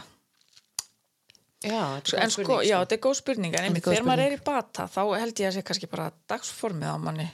Já, þetta er náttúrulega eins og flest þá er þetta bara mjög persónubundið hjá Já. mér, ég veist til dæmis uh, að bara svolítið eftir hvaða stað ég er á en það sem tryggar verið að mig mest í dag uh, það er svona allar ekki að borða meira Já. þú veist, út af því að ég var vanalega til dæmis manneskjan í matabóðin sem borðið alltaf mest Já, og hafði engar hömlur Já. og þú veist þannig að það er svona það tryggjara mig eða, tryggjara, jú það stuða mig smá veist, Já. þegar það er bara verið að tala um annarkvort einmitt, hvernig útlitið er og, og eitthvað svona, þú Já. veist, ég lappa inn í eitthvað ykkur aðstæður og það er bara eitthvað að vera að tala bara um eitthvað svona, þá er ég bara svona ok, þú veist, þetta er bara óheilbrytt og nenni ekki að taka þátt í þessum umræðum einmitt, og svo er það, maður má alltaf fara úr öllum aðstæðum sem maður fílar ekki ekki algjörlega, sko, það er náttúrulega bara málið og, þú veist, og það stuða mig líka bara þá meina, meira bara stuða mig þú veist, bara allt þetta óheilbrið í kringum þetta, það er eiginlega bara svona stuðandi fyrir mig, en það ég held samt að þessi manneskja sé örgulega meina þú veist, hvað tryggjara mig þá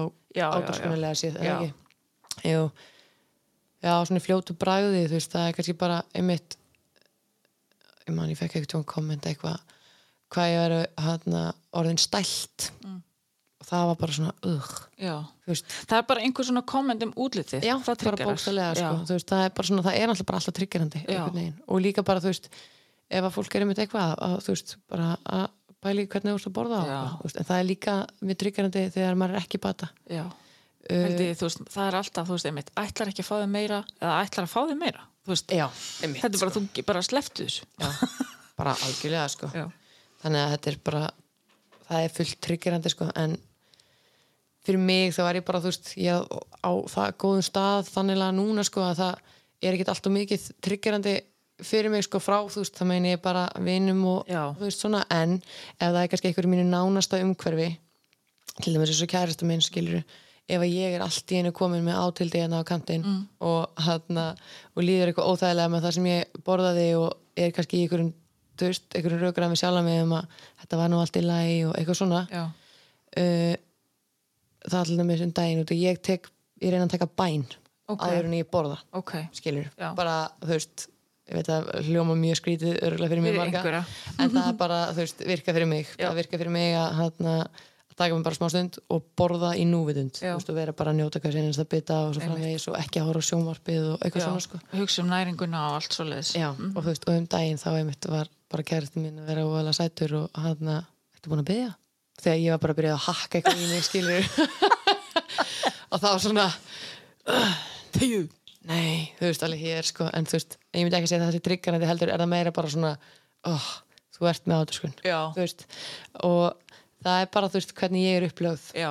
og það, þú veist, það skipt, myndi kannski svo sem ekki skipta máli hvernig hver einstaklingurinn væri ef hann væri bara svona náinn mér fattur þá er bara þetta er bara manns innri barátta Já. og það er einhvern veginn bara þannig Já. og ég get ekki setta á neitt í kringum mig Nei. þú veist, að einhver ábyrði ég sem er skilur þetta er samt, til dæmis, þetta er genadýst sko, Já. sem okkur mér rosalega óvart, þú veist, þetta leitar í ættir eins og Ok. alkoholismi sko og þetta er alveg í mínum ættum sko, veist og þannig að, en ég get ekki sett það á neitt í kringum mig, nei. þú veist, alveg ég get ekki sett alkoholismann ég get ekki sagt, þeirri, amma mín var alkoholisti hérna og þess vegna er ég alkoholisti þú veist, það er ekki þetta að segja það Nei. en þú veist, ég bara er alveg eins og með alkoholisman ég þarf bara að taka ábyrð á mínu sjúdómi Mhm.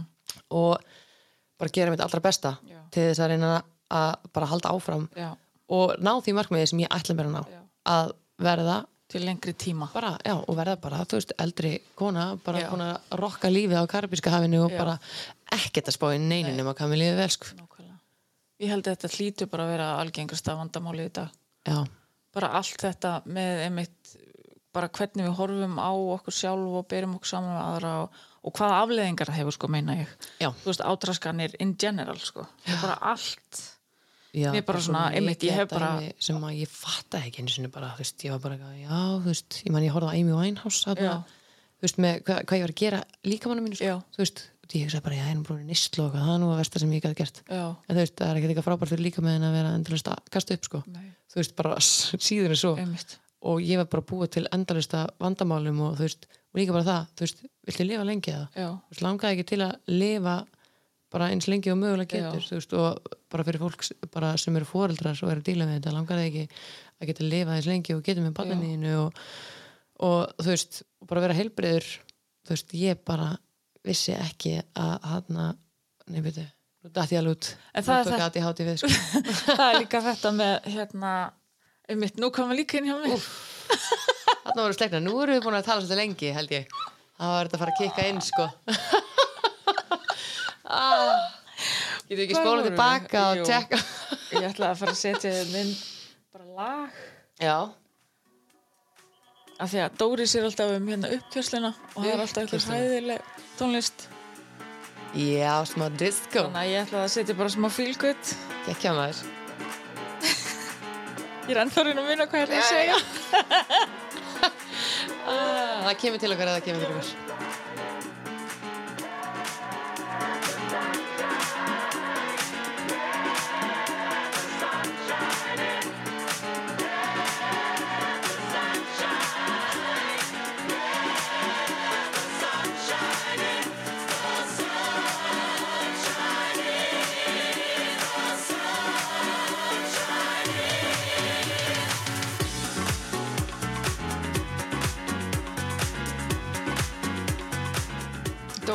Ekki ána með þetta þetta er ekki nóg mikið uppkjörsluna Ég var ekki hægt að það. Hægt að vera annað en sáttur. En það sem að, ef við tökum þetta saman að því nú erum við einmitt, við erum örgulega bara farin að tala í ringi en það er þetta með bara hvað þetta er stórhættulegt, hvað þetta eru pottitt margar byrtingamindir út um allt, sérstaklega í dag á tímum þessa samfélagsmiðla og ég, einmitt, ég veit ekki hversu oft ég hef sagt bara váka ég þakka fyrir að vera ekki úlingur í dag en váka mig langar að vera til stað fyrir þau og bara hjálpa þeim og bara þetta verður allir lægi og bara hlustið á okkur Já. okkur gömlu konunnar, þú veist, við erum ekki gamlar en við erum samt, þú veist, það er engin smá munur á því að vera undir 20 og komin bara nálægt 30 eða hvað, sko Bara mjög mikil munur. Og, Og ég bara hvet þa- alla til að stíga það, inn í sko. óttan sko. Já, Og taka á vandamálun sko. Og því það er bara gott sem við er. Heyrðu Þetta er stuð Það skilur þetta Dáta fólki mitt skilur þetta Hérna, við fórum á salatsjöppuna aðan. Ég fekk mig jólasalat, þú fórst á ót, hvað finnst þér? Herru, ég hann misti mig í einhverjum sérþörfum og fekk mér havragraut með einhverju alls konar snurli, þetta var mikið í bóða Ég ég fekk náttúrulega bara einhvern valkviða Á sko. ót, þetta er svo gott sko ég alveg bara rætti næstu afgriðslu sko. ég var bara, uh, bara alltaf eitthvað að breyta til en ég fekk mér hann einhverju svona mína útgáfu að þessari jólaskál Ok, hún var mjög gyrdileg með Já. einhverjum sæt bökuðum eplum og eitthvað bara, mm, það var geðað ógeðslega gott Ég elska, minnst allt svona jóla svo skemmtilegt Já, ég, líka, ég, bara, ég er líka algjör sökkur fyrir havragraut sko. Já, það? Já. Það er einn aðna blueberry oat, þá er sko bláber og svo karamell og svo sem þú, þau búa til sko. Mm, já. Og valnettur eða eitthvað, þetta er svo ógeðslega gott. Er kannski ekki þetta einmitt að hotlasta, en þetta er mikil orka. Mikil næring. Ef ég er að fara að vinna hérna langa daga, þá finnst mér geggja að byrja þessu sko. Já, bara þá bara er ég sött lengi og bara... En svona, hvað er ekki að holda þetta? já, einmitt. Þetta er bara, fyrir mér, mjög höll máltíð, sko. Já, Sigur, ægabróður er alltaf að benda mér sko- bara mikið sigur. já, þú veist, ok, sigur náttúrulega auðvitað, þú veist, þú ert ekki að borða sigur í öllu, en þú veist, hei, að fá þér smá Já. það er ekki það, Nei. ekki neitt, sko. Með ávistunum, netunum og hafragrötnum. Þetta er bara fullkomi næring í Já. skál, sko. Þetta er það, ég mér finnst gott að byrja daginn á þessu sko. Já, og hérna býtu nú við þá er uppkerslan í bóði salatsjáfunarót ég er svo vön að hafa Dóra með mér ég er bara svona, heyrðu, hm, hvernig gerum við þetta þannig að við mælum með allir fara það er 20% afslættur á jólasalati og þú glemdur að nýta það. Já, jólasalati og jólagraut á salatsjáfunni og ót en ég baði um þegar ég baði um að koma Já, að rósa að vera tilfæðum með að eitthvað rós rósa. Heyrðu, já, það var bara það sem var mér efst í huga líka svona svolítið tengt þessu öllu. Mm. Það er hann til hans Birkir Vaks. Ok, húsvíkingur, halló. Húsvíkingur, sko, heldur betur. Hann er bara, veistu það, fyrir þegar ég byrjaði hjá honum í þjálfun í hann MGT uh, í vörklass þá var ég búin að vera í einhverju enga þjálfun í heinum með þessum og alls konar og eitthvað á. En var koma í hugafarið að ég ætlaði að fara að hann að reyja mig uh, fyrir veljan ákvað að prófa þetta. Og um leið og ég byrjaði þá tók átildur við hérna Já. og hún ætlaði að koma með vesen og hann að spurði hann hvort að hann geti fytumælt mig og hvort að það veri innifælið í verðinu að fytumæla mig og eitthvað svona dóttur í og, og hann svaraði mér bara, bara besta svari í heiminum. Hann sagði bara nei, þannig að hér í MGT þá mælum við árangur út frá getu á æfingum en ekki gekkja því. Og þú veist, sagði bara um mig að þú veist, bara ég geti fengið einhvern annan til þess að segja mér hvort ég væri bara feit mjóið með Já. en það var- kæmi bara málun ekkert við Nei. Og ég bara, þegar hann sagði þetta það var bara, þú veist, ég fekk bara, ég bara takk, Já. takk fyrir. Rétt svar. Bara ángríns, þú veist, og því þú veist, hann vissi ekkert að ég var ekki neitt. Og þetta er bara hans viðhorf. Já. og bara geggja hrós til hans Já. fyrir það Hann sko. er að gera því vílíka hluti. Ég er einmitt búin hann að heyra bara á hann og svona sko. útunda mér Núna bara síðan, ég veit ekki hvað hann er búin að vera með þetta lengi. Já, var bara þvílíkt, já, geggjað að fylgjast með þetta honum er bara frábært og þú veist, svona á viðhorf að vera allstaðar þannig var hann partur af vörklassan er það ekki lengur? Já. En þú veist, hann var samt ekki með þetta viðhorf. Nei, og, en bara svo, þetta skiptir ekki máli einmitt, bara trottuði í hausin og fleirum einmitt, já, bara þú veist, geta á æfingum það var Já. það sem skiptir máli og þú veist, og hvort þetta það, já, hvort þetta standaði betur núna heldur en Já. fyrir ári síðan skilju, en ekki, ekki tengt útliti. Nei, þetta er bara geggja sko, það var bara besta sem komið fyrir mig akkurat þá. Já, og ég er Dásamlegt, annað, ég elska að vera annað sko. og það er engin viktinn í klefanum. Nei, og hún dettur ekki huga að setja hana sko. Að up. fleiri, já, fleiri svona fleiri svona sko. burt með og- án gríns. Jú, jú, þetta þurfa einhverjur að mæla þetta og fylgjast með einhverju en Já, já, við, það fólki sem að vil bara lifa sko. Nei, fólk sem þarf bara lifa, sofa, vakna, vinna borða, reyfa sig, þurfum Mhm. ekki að pæla svona mikið í þessu sko nei, það þarf bara enginn að pæla í þessu sko. Nei, tökum þetta með okkur.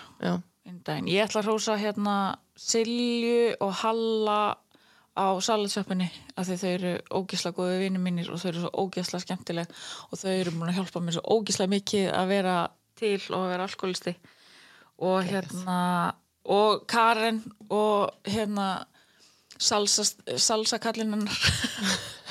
þau skilja sem skilja. Hérna þau bara, já, ég bara elska svona þetta er bara lokal fyrirtæki skilur, þau Já. bara gera sitt og þau koma, þau eru mitt búa til þú veist, jólasaldi og jólagreitin, Já. þetta er bara svona hugmyndi ég held að svo, mér finnst fólk svo sniðugt ég Já. er bara svona, vá, hvernig dattir í hug að setja þetta í alvörunni, mér finnst það amazing bara, hm, hvernig, þú veist, hvernig dagur er þinn og þú veist, þetta er bara eitthvað, eitthvað sem ég tengi ekkert við Já, já, já. þó ég elski mat, þá er ég ekki svona mikið að pæli hvað er í salatskál Nei, ég skil skilurðu. þig, ég skil þig. Þannig, en þú veist, fyrir utan það þá bara eru þau öll svo ógeðslega skemmtileg jákvæð, lífsglöð og ég elska þau svo ógeðslega mikið og ég held þau lusti þannig að takk þetta með ykkur á kottan Mhm.